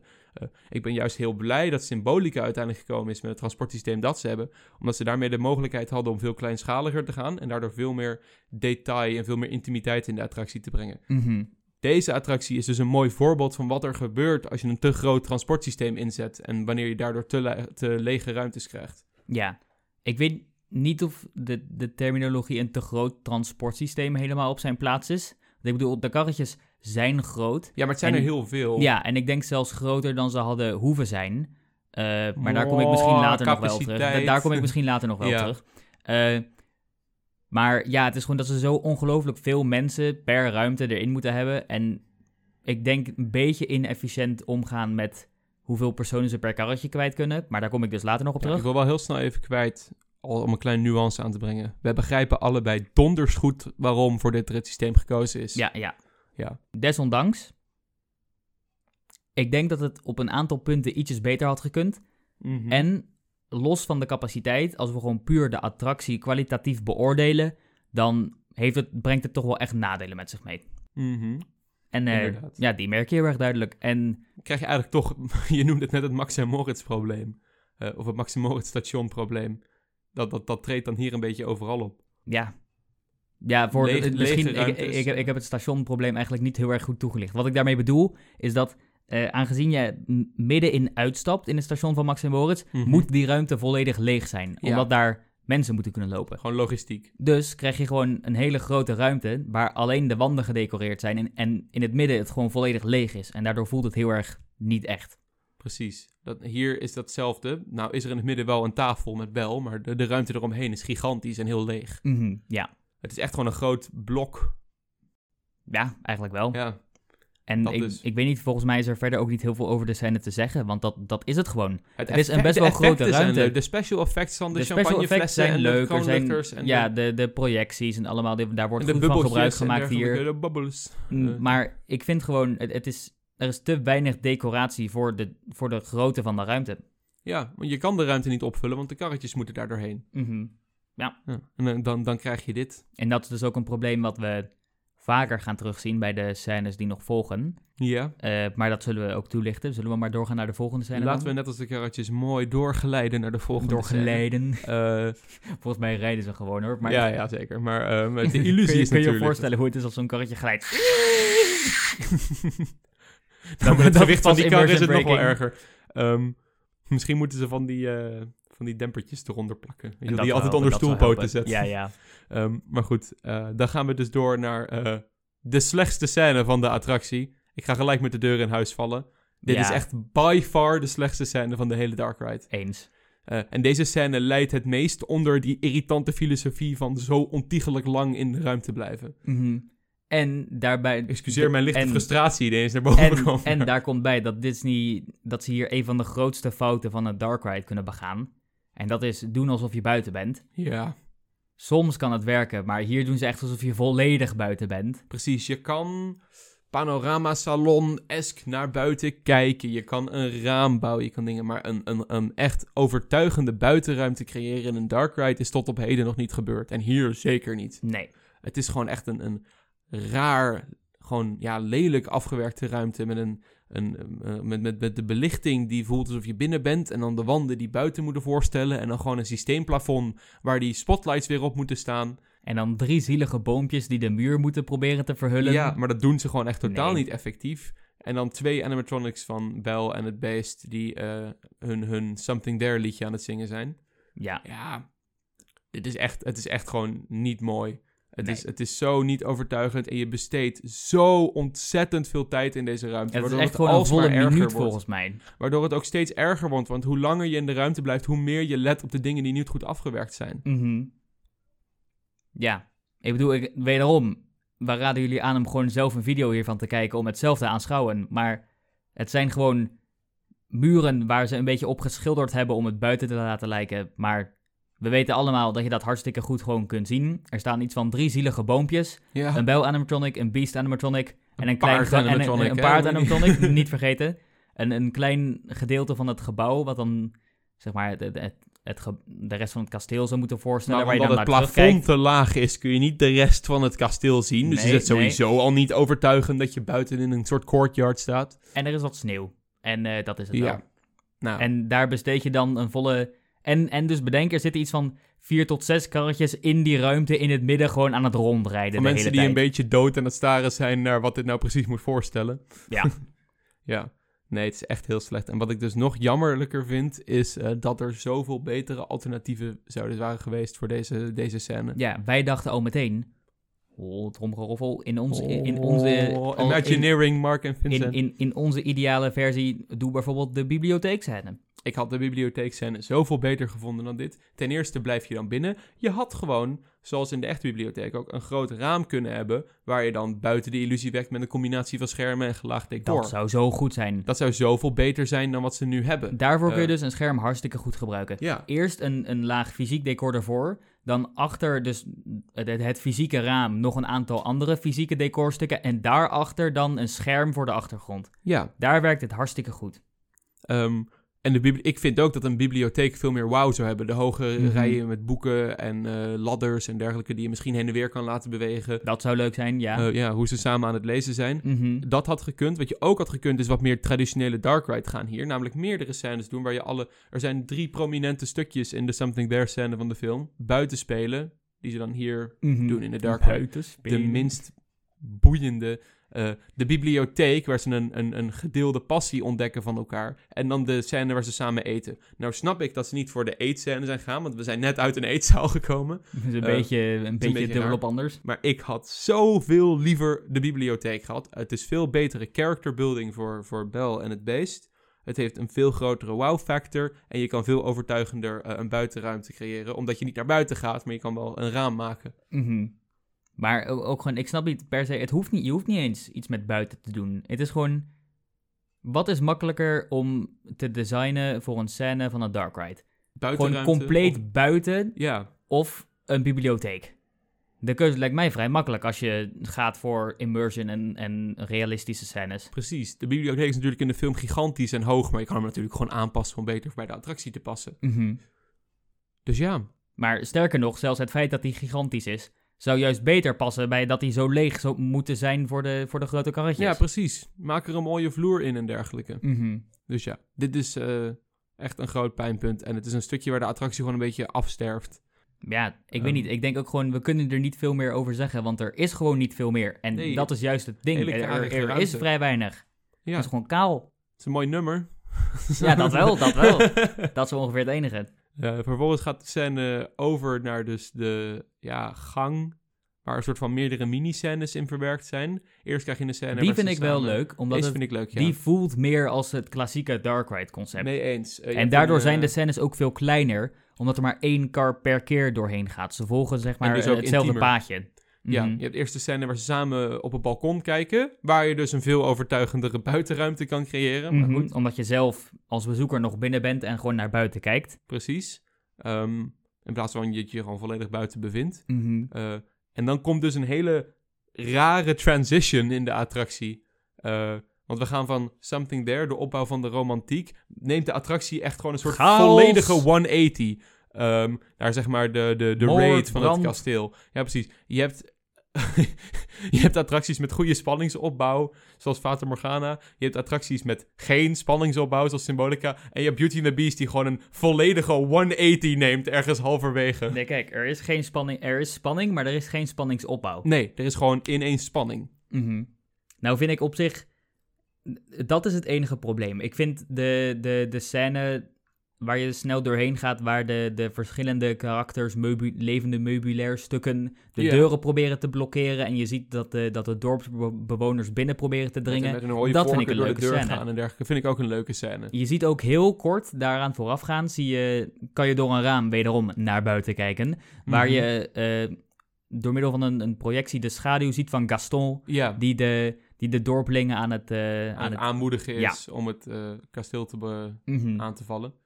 Ja, is, dat, is dat, dat is de enige spanningsopbouw die er is. Persoonlijk had ik liever gezien dat ze daar ietsjes meer tijd aan hadden besteed. Ik had liever wat meer conflict gehad, inderdaad. Ja, Want dat, dat, dat maakt een attractie meeslepender. wellicht in plaats van puur, eh, puur naar buiten, heel kort eventjes één keer naar buiten gluren, meer een volledige scène met een Gaston animatronic en de menigte, waar je ziet met, hoe ze met hun toortsen daar klaarstaan en dat je even kort hoort hoe hij een toespraak aan het geven is van...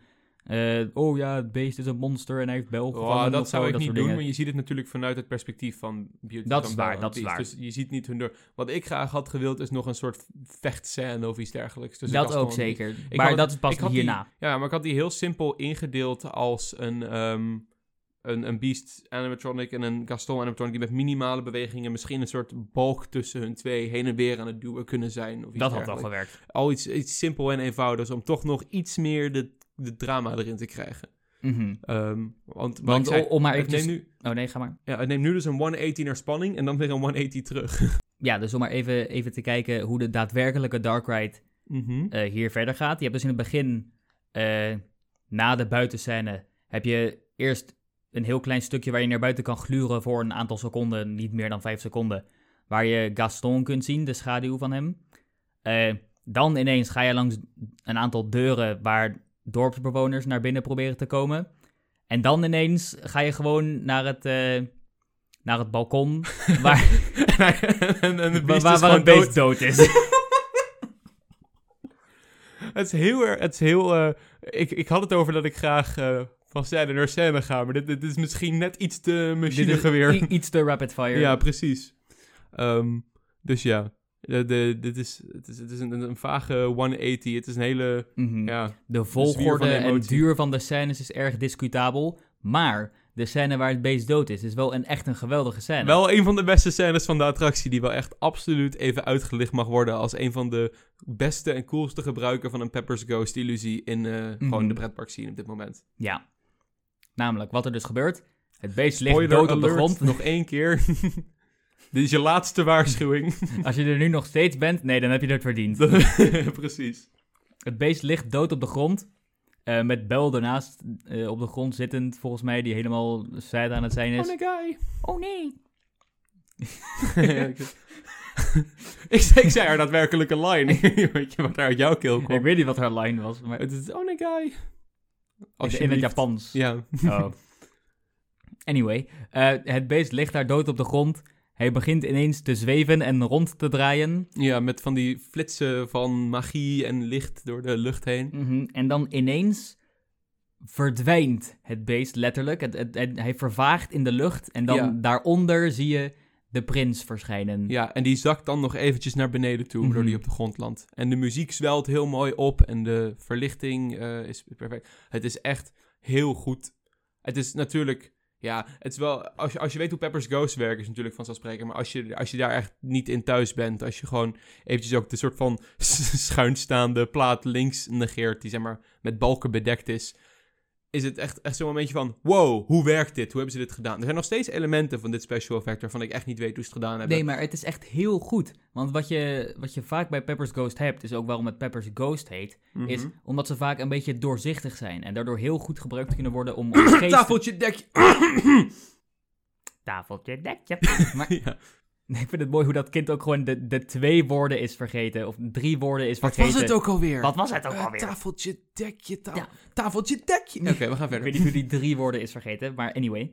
Ehm, dus, het heet Pepper's Ghost omdat de, de effecten vaak een beetje doorzichtig zijn en daardoor heel goed gebruikt kunnen worden om een soort geestverschijningen uit te Mhm. beelden. Maar hier is het zo ongelooflijk niet doorzichtig. Het voelt echt alsof, alsof het daar gewoon echt Ja, aanwezig precies. is. Omdat het gewoon een hele felle lamp is en een hele goede, echt mooi schoongeboetste, doorzichtige plaat. Eh, waardoor ze die projectie en die... Nou, het is geen projectie. Ik, ik, moet dat niet, ik moet dat echt afleggen. Waardoor de weerspiegeling gewoon echt heel scherp is. Mhm. En dat zorgt gewoon samen voor een ongelooflijk overtuigend Ik effect. dat toen het voor het eerst uitkwam, allemaal fora. Het is een hologram, het is dit, het is. Maar ik vind het heerlijk dat het gewoon zo'n rudimentaire, hele eenvoudige, echt eeuwenoude techniek is die ze hier gewoon toepassen. En dat het gewoon nog steeds eh, monden doet openvallen. Mhm. Dan kun je ook wel mooi zien hoe de evolutie van de techniek toch... Het is dezelfde techniek, maar toch door zoveel doorontwikkeling zoveel beter is geworden dan die eerst was. Of Ja. Zoveel Eh, beter toegepast kan worden. ja, want hiervoor was het natuurlijk nooit... Het, het idee was altijd om het te gebruiken voor geesten. Precies. Maar nu kun je het dus ook gewoon echt voor dit soort geweldige effecten gebruiken. Inderdaad. Het is eh leuk eh, outside the box denken van de, van de Imagineers hier. Mhm. En ja, ik, ik, ik, ik begrijp eigenlijk eerlijk gezegd nog steeds niet hoe de prins zo naar beneden zakt. Ik ook niet. En dan Het op de grond het is valt. zo realistisch. Maar Er ik ben er dol op om iets niet te snappen. Dus, Dat is eh, waar, dat is waar. En dan, dan houdt het toch nog een beetje magie in stand. Mhm. Ehm, en dan vervolgens krijg je een soort à la Mickey en Minnie's Runaway Railway, niet in slaap vallen, Mark, eh, effect waarbij het eh, kasteel om je heen verandert van zijn vervloekte staat naar zijn weer mooie staat, waar de demonische waterspuurs in engeltjes veranderen en de wanden worden wit en dergelijke. Dat vind ik ook een leuk effect. Is ook een leuk effect, zeker met de gelaagdheid van die ruimte. Ja, dat werkt dus gewoon ook met projecties op alle dingen die dan van kleur veranderen. En Mhm. En dan gaan de karretjes, de muziek zwelt op en dan eh, bereiken we de climax van de Dark Ride, namelijk de balzaal, de meest iconische scène uit Beauty and the Beast natuurlijk. Mhm. Eh, en daar wordt ook echt korte shout-out naar de soundtrack van deze attractie. Het maakt natuurlijk gewoon gebruik van de muziek uit de film, maar eh, vooral voor die laatste scène gebruiken ze echt een schitterende orkestrale versie van het hoofdthema, die heel mooi opzwelt en dan een soort van bam moment. Ik ben geen componist, ik noem het een bam moment Ik noem het bereikt een als hij, een- bam-moment. als hij, de, als hij de, de balzaal bereikt. En dan gaan de lichten ook zo mooi aan. Mhm. En dan natuurlijk de, de mooie animatronics van Bel en de prins die aan het dansen zijn. Die toch allemaal, waarvan de techniek volledig in Bel's jurk is, is, Ja, is eh, heel verstopt. slim gedaan is dat. Omdat de prins gewoon aan het zweven is, toch? Ja, en dit is de scène waarbij de, ehm, het, het danseffect van de karretjes het beste tot zijn uiting komt. Waardoor je echt meedanst met, met, met de... Ja, nou, nou kunnen wij de natuurlijk scène. geen uitspraak doen over hoe effectief dat effect overkomt op de bezoekers. Ja, maar, maar hier, ik neem ik aan zie- dat ze het voor deze scène ontwikkeld hebben. Ze zwieren mooi op de maat van de muziek. Iets wat ik een beetje van Dans Macabre hoop. Maar eh, dat, do- dat doen ze hier heel effectief. Mhm. En het past bij de balzaal. Ja, verder op zich. Ik denk dat deze scène vergeleken met de andere iets minder last heeft omdat hij zo groot en leeg hoort te zijn. Want ik Mhm. bedoel, het is een balzaal. Er hoort een grote open lege vloer te zijn. Het is, ik vind het dan wel een beetje apart dat Bel en de prins op een verhoging staan daar in het midden. Al is het natuurlijk logisch omdat, de- we, ja, omdat wij ze anders niet kunnen zien. Om de techniek Maar- te verbergen. Desondanks is het wel een beetje apart. Mhm. Wat jij volgens mij ook wel vaker hebt gezegd, is dat het een beetje vreemd is hoe alle side characters aan de zijkant gewoon maar een Oh, beetje aan het zwaaien zijn of dit zo. is mijn, mijn grote kritiekpunt, kritiekpunt op deze scène. Eh, je hebt in de film natuurlijk twee scènes waar Bel en het beest gaat dansen. Je hebt de scène waar ze, eh, als hij in zijn beastvorm is, nog gaat dansen. De meest iconische scène van de film. En die scène is heel mooi, doordat hij zo intiem is. En dan heb je nog een scène eh, aan het einde waar ze gaan dansen. Waar ze omringd zijn door alle inwoners van het dorp. Ehm, wat ze hier hebben gedaan, is niet alle inwoners van het dorp, want dat zou de ruimte veel te vol maken. Ze hebben hier gewoon een paar lullige side characters eh, in hun mensenvorm langs de rand gezet. Lumière, Cogsworth, Mevrouw Pot. mevrouw Pot, inderdaad. eh, mevrouw Mrs. Potts. Maar we hebben. eh, maar ik had het zoveel beter gevonden als die animatronics gewoon weggelaten waren. En deze scène een intiem moment was tussen Bel en het beest. Waar je zelf een soort van onderdeel van bent. Ja, dat was beter geweest. Ik, vond, ik had het veel beter geweest. Ik ben heel blij dat de balzaal een climax is. Ik denk, de- de- heel veel mensen hadden misschien ge- de scène gewild waar hij als beest zeg maar, met haar ging dansen. Maar dan dat, kun je had, deze... dat, had weer niet, dat was niet logisch geweest in het verhaal. Nee, daarom, het- want hij is net hij- getransformeerd. En dan kun je de balzaal niet meer de climax maken. Maar de balzaal is wel de perfecte climax. Want ik Mhm. zou niet willen dat hij... Nee, die scène waar hij in zeg maar, de prins verandert... zou ik niet als climax hebben gewild. Daar is hij net iets te, te Nee. klein voor. Mhm. Ehm, dus ja, de, de balzaal... Ik, beetje vreemd dat die mensen daar staan. Verder Ja. is de ruimte wel echt prachtig gedecoreerd. Mhm. Voornamelijk het plafond. Is Ik had het liefst die. Het ding is, als je die animatronics weglaat, dan bespaar je ook budget dat je dan weer had kunnen steken in bijvoorbeeld een bibliotheek. Ik, ik noem maar iets. Je- je- je- ik noem maar iets, ik noem maar iets. Ik, eh, ik, ik, ik Mhm. gooi het er allemaal uit. Maar ehm, ja, dat dus. Ik vind eh, die, die animatronics ver- verpesten het niet, maar ze zijn wel een beetje een irritatiepunt van mij, want ze Mhm. voegen niks toe. Nee. En ze hebben geld gekost. En ze hebben waarschijnlijk heel veel geld gekost. Mhm. Wat ik wel weer leuk vind, is dan... Je gaat de scène uit door dat gewoon zo ongeveer de complete achterwand opent. Mhm. Eh, en ik vind dat ze de deuren daar heel goed hebben weggewerkt. Dus... ja, ik ook. Je ziet ze eh, amper zitten voordat ze echt open gaan. mhm. Natuurlijk is het onlogisch dat je via daar naar buiten gaat, maar ja, die grote karren moeten ergens doorheen. Dus Ja. het is- ik vind het niet zo heel erg. Maar om nog En dan ben je even- toch uit de attractie, zeg maar. Ja. Dus dan maakt het toch iets minder uit. Om nog even terug te komen op de scène. Eh, je zou op, de, op als geheel dan ook een beetje. Je zou, omdat ik het over die animatronics had, dan als kritiekpunt kunnen geven. Zeker als je die weglaat, zoals ik zei. Dat de animatronic, eh, dat, de, dat de Dark Ride levenloos voelt. eh, omdat er weinig animatronics zijn. Maar ik vind dat bij deze attractie niet erg. Omdat het heel erg gaat over de relatie tussen Bel en het beest. En eh, ik heb ze echt andere namen gegeven, volgens mij elke keer dat ik ze noem. Eh, maar het gaat heel erg over de relatie tussen die twee en juist de intimiteit daarvan. Dus ik vind het juist heel fijn dat dat de prominente animatronics zijn en degene die je echt het vaakst ziet terugkomen. Ja.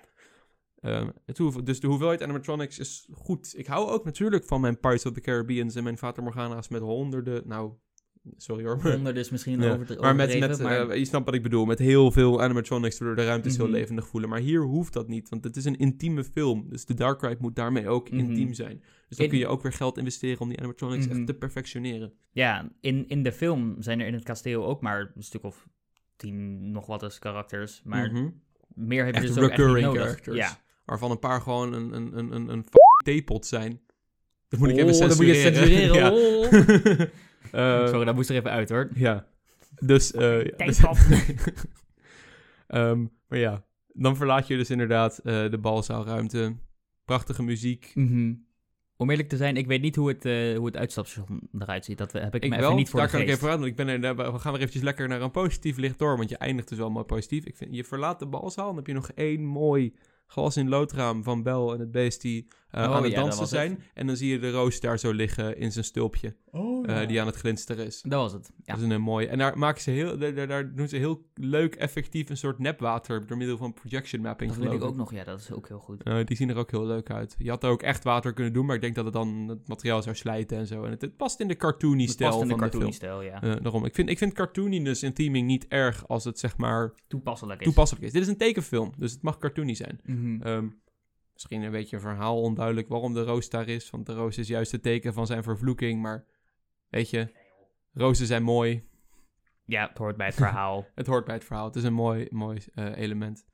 Ik weet Eh, verder niet hoe het uitstapstation en... het uitstapstation eh, is een beetje weer vergelijkbaar met hoe de wachtrij aan het begin of, Ja, je gaat door een...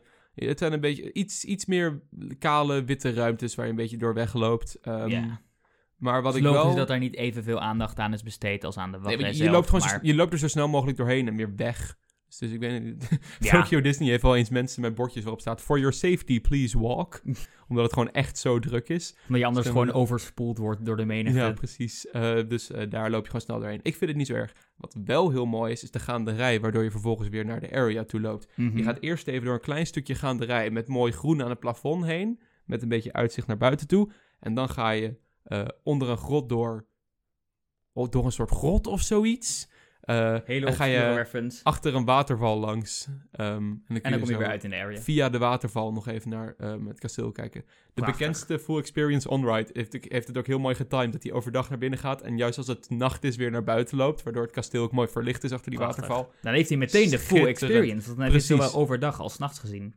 Schitterend. Hoe het kasteel verlicht is, dat moet ik even met mijn eigen ogen zien. Of dat echt zo goed is. Maar Op Dat video zo- ziet het er goed uit. dat je zo achter die waterval loopt is echt fantastisch. Backside of Water. Over obscure references gesproken, maar... eh, Ja. Dan, eh, en, en zo kom je weer terug de area in. Hele Mhm. goede exit corridor, mooie gaanderij, mooie rots waar je achter de waterval langs gaat. Ja. Ik denk... eh, ik wil wel nog eventjes terugkomen op de ride vehicles. Want eh, ja, je moet een hoge, een hoge capaciteit hebben. Maar je, je kunt maar met 10 mensen in zo'n karretje zitten. Eh, dat is natuurlijk best veel. En de karretjes zijn ook best wel groot. Maar ik denk dat de karretjes ook gedeeltelijk zo groot zijn om de, om de wieg-slash-schommeltechniek erin te kunnen verwerken. Want als je kijkt naar echt hoe groot ze zijn, als je ze voor, bijvoorbeeld vergelijkt met Symbolica. Ik weet niet hoeveel mensen er in een fantasievaarder kunnen, maar volgens mij minstens zes. Zeven als je een beetje popt. Ja, la- laten we het houden op zes volwassenen. Ja. Dat, dat kan redelijk comfortabel, dat kan gewoon prima. Mhm.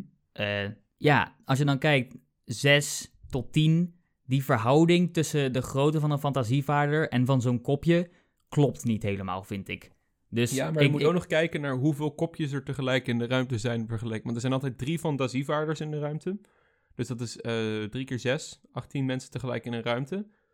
Ehm, ja, ik ja, weet, maar ik weet alleen niet hoeveel eh, theekopjes er zitten in zo'n ruimte. ik ook niet. Maar mijn, mijn, mijn punt ging meer om, Mhm. ik denk dat ze de, de kopjes wel een stukje kleiner hadden kunnen maken en alsnog de, de 10 personen per kopje hadden kunnen houden. Maar Ja, ik weet niet hoe, hoe uitgebreid die techniek is om ze te laten zwieren. Nee, ik ook niet. Ik denk ook, ze hebben voor een redelijk interessante seating setup gekozen, zeg maar. Door in een soort halve, halve cirkel zes mensen achter te laten zitten en dan in een soort tweede halve cirkel vier voor. In een soort bioscoopopstelling waar de achterste rij wat hoger zit. Ja, en de stoeltjes natuurlijk allemaal eh, los, in plaats van dat het gewoon één doorgaande bank is. Volgens mij doe je ook gewoon een soort veiligheidsgordeltje om. Dat in de zou kunnen, ja. Ik denk... Ik weet niet. Ik denk gewoon omdat de karretjes zo groot zijn, en dat is ook een van de dingetjes. Het gaat natuurlijk eigenlijk meer omdat je zoveel karretjes per scène hebt. En dat dus meer gewoon überhaupt het, het, het hele concept van de meer showachtige scènes in plaats van het klassieke dark ride korte scène waar je doorheen gaat. Dat is het voornaamste probleem. Maar toch denk ik dat ze ietsjes efficiënter om hadden kunnen gaan met eh, het formaat van de karretjes. Als je bijvoorbeeld kijkt naar iets als Rise of the Resistance, daar kunnen denk ik sowieso Mhm. acht mensen in. En die karretjes zijn volgens mij aanzienlijk kleiner dan deze. Ja, dat, dat, dat, daar durf ik even geen uitspraak over te doen. Dat weet ja, ik, niet ik, weet niet hoeveel kleiner, maar ze zijn kleiner. Dat weet ik vrij zeker. Oké. Eh, want bijvoorbeeld in Rise of the Resistance, daar heb je volgens mij er ook drie op per keer. Mhm. Net als in Symbolica. Maar die heeft dat probleem, vind ik dan weer echt bijna totaal niet. Dat de ruimtes veel te open en leeg voelen.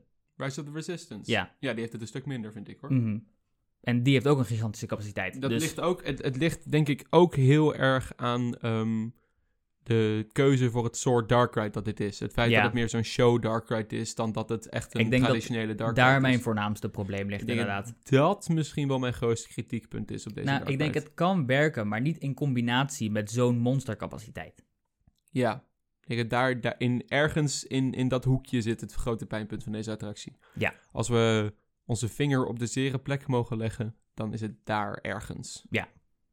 En dus ook als je dat zou kunnen fixen, zou je veel meer theming in de ruimtes kunnen toevoegen. of je zou de ruimtes veel kleiner kunnen maken, waardoor Ja. het gewoon allemaal intiemer, realistischer voelt en je minder jezelf eh, je eigen pijnpunten blootstelt.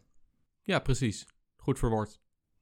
Ja, dat is Dat dus is eigenlijk ons is een soort samenvattend oordeel over de attractie. Ja, dus eh, nou, als het nog niet duidelijk was aan deze hele aflevering, waren we een beetje teleurgesteld Een beetje, ja. Door is- deze attractie. De nuance is wel, het is wel echt, echt een hele goede Dark Ride. Dat wil ik nog wel even kwijt. Ik ben er, over het algemeen heb ik echt gewoon een positief oordeel over deze Dark Ride hoor. Mhm. Het is gewoon dat, ehm, misschien ook een lesje voor ons. We gingen er heel erg in met het idee dat dit de beste, dit, dit met, misschien wel met kop en schouders de beste Dark Ride ter wereld zou zijn. En dat is het niet geworden. Nee. Dus als je jezelf misschien zo ophypt, dan zet je jezelf ook een beetje op voor teleurstelling. Ja, dus dat is natuurlijk ook een fout aan onze kant. Mhm. Maar ik weet niet, ons doel met deze aflevering was een beetje jullie, de luisteraars, eh, laten zien, of eerder laten horen dan. Maar dat is niet echt iets wat je kunt zeggen, jullie laten horen, dus dan hou ik het maar op jullie laten zien. Eh, wat voor geweldige attractie dit is aan de andere kant van de wereld en ook voornamelijk wat het had kunnen zijn. Ja, precies. Want we willen dus nogmaals bestempelen, het is wel echt een hele goede attractie. Mhm. En ik eh, wil hem ook heel graag zeker een keer ervaren. Ja. Ik, ehm, ja, dat is doel 1 van deze aflevering. Maar zoals de goede, ehm, is het, eh, het andere doel van deze aflevering om te experimenteren met het idee om gewoon een volledige aflevering te wijden aan één attractie. Dus mochten jullie dat leuk vinden, luisteraars, laat Mhm. ons dat weten. Dan kunnen we dit misschien vaker doen. Het helpt inderdaad echt- ook om ietsjes meer, iets meer tijdloze afleveringen te maken. Mhm. Ik bedoel, Deze aflevering is heel erg in detail, inhoudelijk ingaan op alle aspecten van zo'n attractie. Waar we je even meenemen door de attractie zelf en over alles onze mening geven. Ja, ik denk de, de afleveringen die we tot nu toe hebben gemaakt, kun je een beetje onderverdelen in drie groepen. De eerste is een soort nieuwsafleveringen en, en updates afleveringen. Eh, die zijn vaak een beetje all over the place, meerdere onderwerpen, Ja, eh, niet heel gestructureerd. Dan heb je afleveringen over parken. Die Mhm. hebben we er een aantal van gehad. Vaak zijn die ook een beetje gemixt met een Ja. beetje nieuws en een beetje updates. Eh, maar daar kunnen we er vaak ook niet in heel veel detail op in. In ieder geval, bij Tivoli en Commorden viel dat op zich nog mee, omdat dat niet gigantische parken zijn. Eh, ik ben benieuwd hoe dat bij onze Disney-aflevering gaat zijn. Ja. Eh, Als ik, hoe lang we daarover gaan zitten praten. Even voor de luisteraars. Dit was bedoeld als een mini-soot. eh, maar wij zijn gewoon zo belachelijk inhoudelijk. Dat... Nou, ik weet niet of het bedoeld was als minisoot, maar Was- we waren erop voorbereid dat het Ja. wel eens ietsjes korter zou kunnen zijn. Is niet maar ja, we weten natuurlijk nog niet hoe lang het gaat zijn. ik kijk nu naar de klok na de en we zitten op maar- anderhalf uur. Ja, dus het is zeker geen korte aflevering. nee, nee, precies. Eh, en dan heb je dus afleveringen zoals deze en bijvoorbeeld de Vliegende Hollander aflevering, waar we echt puur op één attractie ingaan en er dus ook Ja. veel dieper op in kunnen gaan. Dus laat ons maar eh, weten of eh, jullie dat leuk vinden. Mhm. We hebben nog wel wat ideetjes voor andere attracties waar we veel over te zeggen hebben, waar we dan graag een aflevering aan zouden willen wijden. Maar dat zullen jullie wel gaan merken. Dat ga ik lekker niet verklappen. Dat ga ik niet... Oh. Nee. Maar dan zijn we denk ik een beetje bij het einde beland, toch? Heb jij nog afsluitende opmerkingen over Beauty and the Beast? Heb je nog aantekeningen die je graag wil benoemen? Daar moet ik heel eventjes over nadenken. Ik denk dus in ieder geval, gewoon om onze, onze final verdict eventjes duidelijk te hebben. We vinden het exterieur en de omgeving geweldig. De wachtrij ook. De pre-show ook. Alleen de rit zelf is een klein beetje teleurstellend. Ja. Van wat we ervan hadden verwacht. Het is nog steeds goed. is goed, maar niet beste Dark Ride ter wereld materiaal. Nee, Hij kan wel competen in de top, maar niet...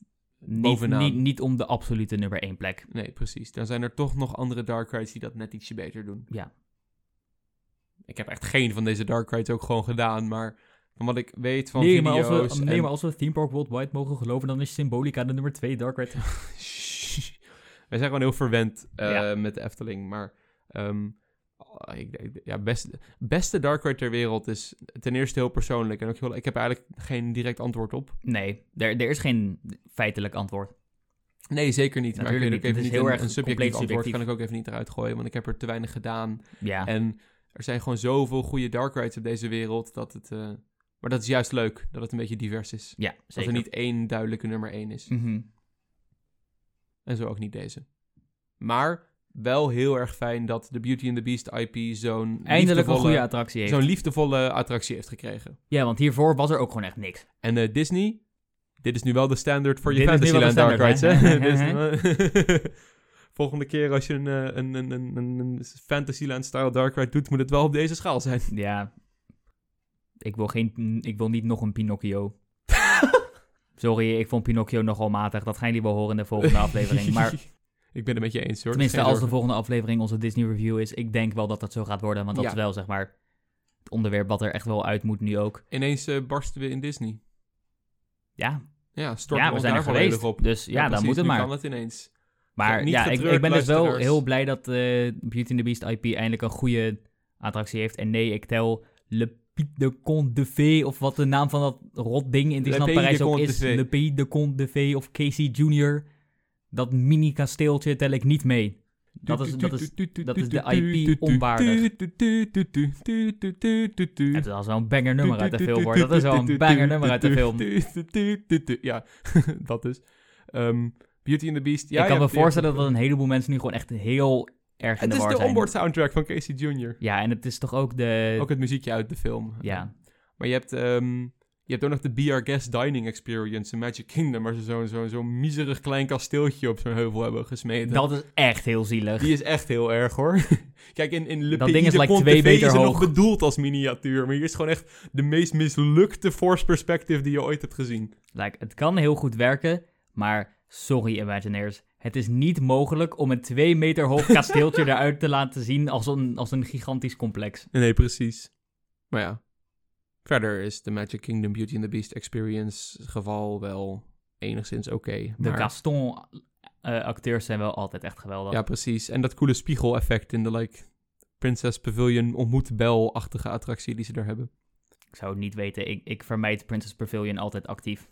Het is ook geen Princess Pavilion hoor. Het is gewoon zo'n zo'n character meetup met Bel, geloof ik. Ik vind de Gaston-acteurs gewoon altijd heel leuk, omdat je van die semi-viral YouTube-video's had waarin, waarin een Gaston-actor een push-up eh, wedstrijd ging battle doen. gaan doen met Met, mensen. met ja. een bezoeker en hem gewoon echt vernietigde. En, ja, en de, de Gaston actors. Ik ben ook gewoon veel meer fan van dat soort actors die ehm, dat maakt het echt leuk. eh, echt een gezicht hebben en die, die kunnen praten en die Mhm. interactie hebben. In plaats van mensen die een pak aan Mickey hebben. Gewoon een beetje, ja, en gewoon een beetje zitten te dansen of zo. Ik te weet- dansen voor hun leven, omdat ze anders worden ontslagen. Ja, precies. Dus het is een, ik, ik, ik vind dat soort, ik, ik vind bijvoorbeeld Oje Punctueel ook echt eh, heel goed in de Efteling.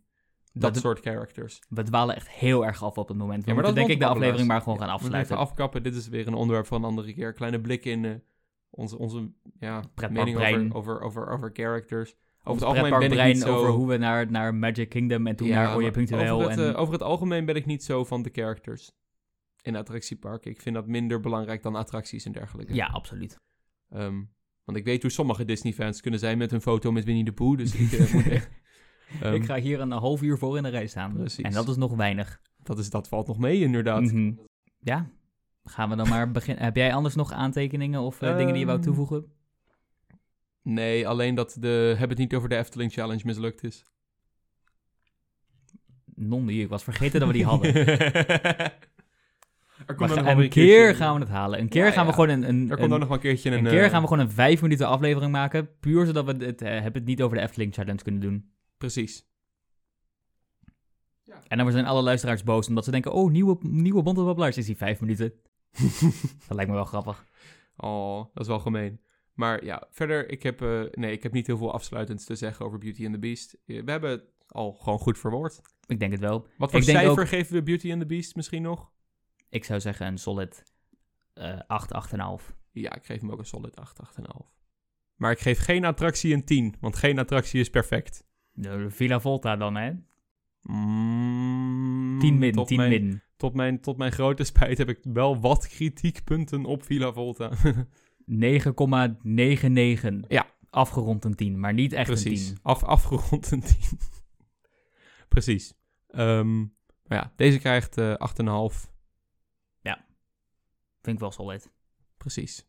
Misschien is dat wel 8,5 aan 9. Omdat het gewoon... Alles behalve de rit is gewoon echt wereldniveau. En de rit zelf is ook niet slecht of zo. Maar het is gewoon... Nee, daarom. Het is ook heel erg je, met dit soort cijfers geven is op welke basis doe je dat? Waar vergelijken we het mee? Vergelijk je het met andere like, grootschalige dark rides op de wereld? Vergelijk je het met, bijvoorbeeld, wat voor cijfer geef je het diorama? En dan geef je dit zo'n cijfer en diorama, dan, maar vind je dit dan Ja. beter dan? Dus cijfers zijn niet een hele goede manier, Nee, ik niet heb een er gewoon- genuanceerde wijze om dat te doen. Ik heb gewoon niet echt een onderbouwing daarvoor. Ik was gewoon van, oh... Wat, Gevoelsmatig. wat, ja, gewoon wat voelt goed voor mij. En dan is denk ik eigenlijk meer een 9. Ja, ja. Ik, ik, 8,5, ik geef hem 9. gevoelsmatig 8,5 ook. Oké. 8, 8,5. Niet 8,5, 9. Ik 8,5, 9. Oké, mooi. Nou, we zijn weer lekker zullen we dan, genuanceerd. eh, de, af, de aflevering maar gaan Ja, afsluiten in dan, voordat we weer, weer heel inhoudelijk afdwalen naar precies. Punctueel. Ja, precies. Oje Punctueel. Ja. Maar goed, in ieder geval luisteraars, laat ons dus in ieder geval weten of jullie dit eh, leuk vinden als wij gewoon één attractie nemen en daar heel in-depth op ingaan. Mhm. Maar Wij vinden het zelf in ieder geval leuk. We vinden het leuk om te maken. Dus, eh, Mhm. Eh, wat ik ook nog eventjes wil zeggen. eh, ik heb dus een nieuwe microfoon. Dit is onze eerste keer dat we daarmee opnemen. Dus het zou kunnen dat ik een beetje zacht klink of een beetje hard. Omdat ik gewoon niet weet waar ik deze microfoon moet positioneren. Dat het goed klinkt voor mijn stem. maar dat vogelen we nog wel uit. Ja, daar komen we wel achter. Dan, eh, hier, heb ik, hier heb ik me op voorbereid voor Oh. Mark de Shameless Plug. Jullie kunnen ons volgen op Instagram via @debontebabbelaars. Jullie kunnen onze ex volgen op Twitter. het klinkt zo verkeerd, onze X volgen. Inderdaad. Jullie kunnen onze ex volgen op @bbabbelaars. Oftewel gewoon Twitter. X.com Ehm, of hoe heet het? Eh, ja, het is volgens mij gewoon x.com, x.com slash bbabbelaars. Ja, hadden ze niet, er was toch een of andere user die dan de, de user tag op Twitter X had. En die hebben ze Ja. gewoon zijn account afgepakt. Het zou heel goed kunnen hebben ze hoor. niet dat eens van hem classic. gekocht of zo, hebben ze gewoon nee, gepakt. nee, gewoon weggehaald. Dat kan gewoon. Volgens mij gaan ze ook de blokkeerfeature weghalen binnenkort. maar goed. Oh, het is een beetje een, eh, een, beetje een disaster. ja, maar- inderdaad. Maar het is wel nog steeds een van de meer soort van goede platforms om podcasts als dit een beetje op de markt. En waar Ja, ik mijn, dat mijn, vrije zeggen, geest... Toen, ik wou de- net zeggen, toen ik hoorde goede platforms, was ik al van ho, ho, ho. Volgens mij zit geen mentaal gezond mens op oh, Twitter. absoluut niet. Eh, maar het is wel eh, een plek om je geest de vrije loop te geven of zo. Zo kan je het verwoorden. Ja, precies. Maar in ieder geval, jullie kunnen onze ex volgen op @bbabbelaars, eh onze Instagram op @debontebabbelaars en jullie kunnen een mail sturen naar debontebabbelaars@gmail.com. Eh en op de andere socials kun je misschien gewoon een DM achterlaten mochten jullie suggesties, vragen of opmerkingen hebben. Ja. Alle suggesties, vragen, opmerkingen zijn welkom. Oh ja, en als jullie het leuk vinden eh, en jullie luisteren op Spotify, dan waarderen we het erg als jullie een rating achterlaten. Ja, rating op Spotify wordt enorm gewaardeerd. Ehm, en Blijkbaar verder- kan je ook comments achterlaten op Oh, de ja. aflevering op Daar Spotify. kwamen Dat we echt- we niet. Daar kwamen we echt gewoon echt, echt heel, heel recent achter. Eh, Toen dus bleek dat iemand een comment meerdere maanden geleden een comment op een aflevering had Sorry, achtergelaten gene of die die comment meerdere maanden geleden had achtergelaten. We gaan er eventjes eh, snel op reageren. Ik ga ze even bekijken. Dan gaan we er even op reageren. We Ik wist niet dat, het kon. kon. Ik wist niet dat dit een feature was, inderdaad. Je kan blijkbaar dus inderdaad onder een aflevering op Spotify direct reageren. Dus luisteraars, mocht je dat willen, kunnen jullie dat ook doen. Volgens mij kan ik zelfs polls onder de afleveringen doen. Als ik dat wil. Wat? Ja, wij, wij, wij- ja, nieuwe Spotify features. Wow. Ehm, maar goed, dat is. Eh, verder zijn onze afleveringen te beluisteren op Spotify, Apple Podcasts, Google Podcasts, op onze website redcircle.com slash bontebabbelaars.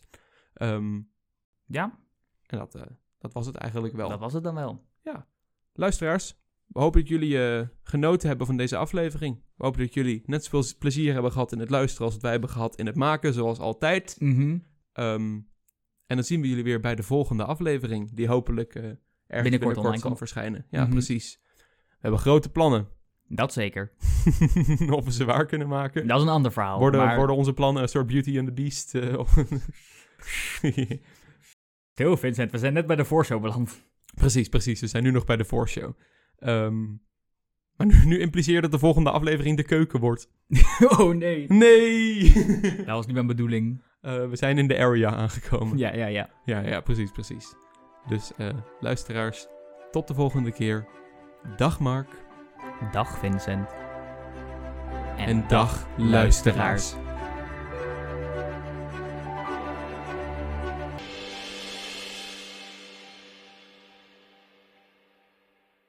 Ik moet zeggen, als je googelt Enchanted Tale of Beauty and the Beast, dan kom je een of andere disturbing, like off-brand mockbuster versie tegen. Die moet ik zeker een keertje gaan kijken.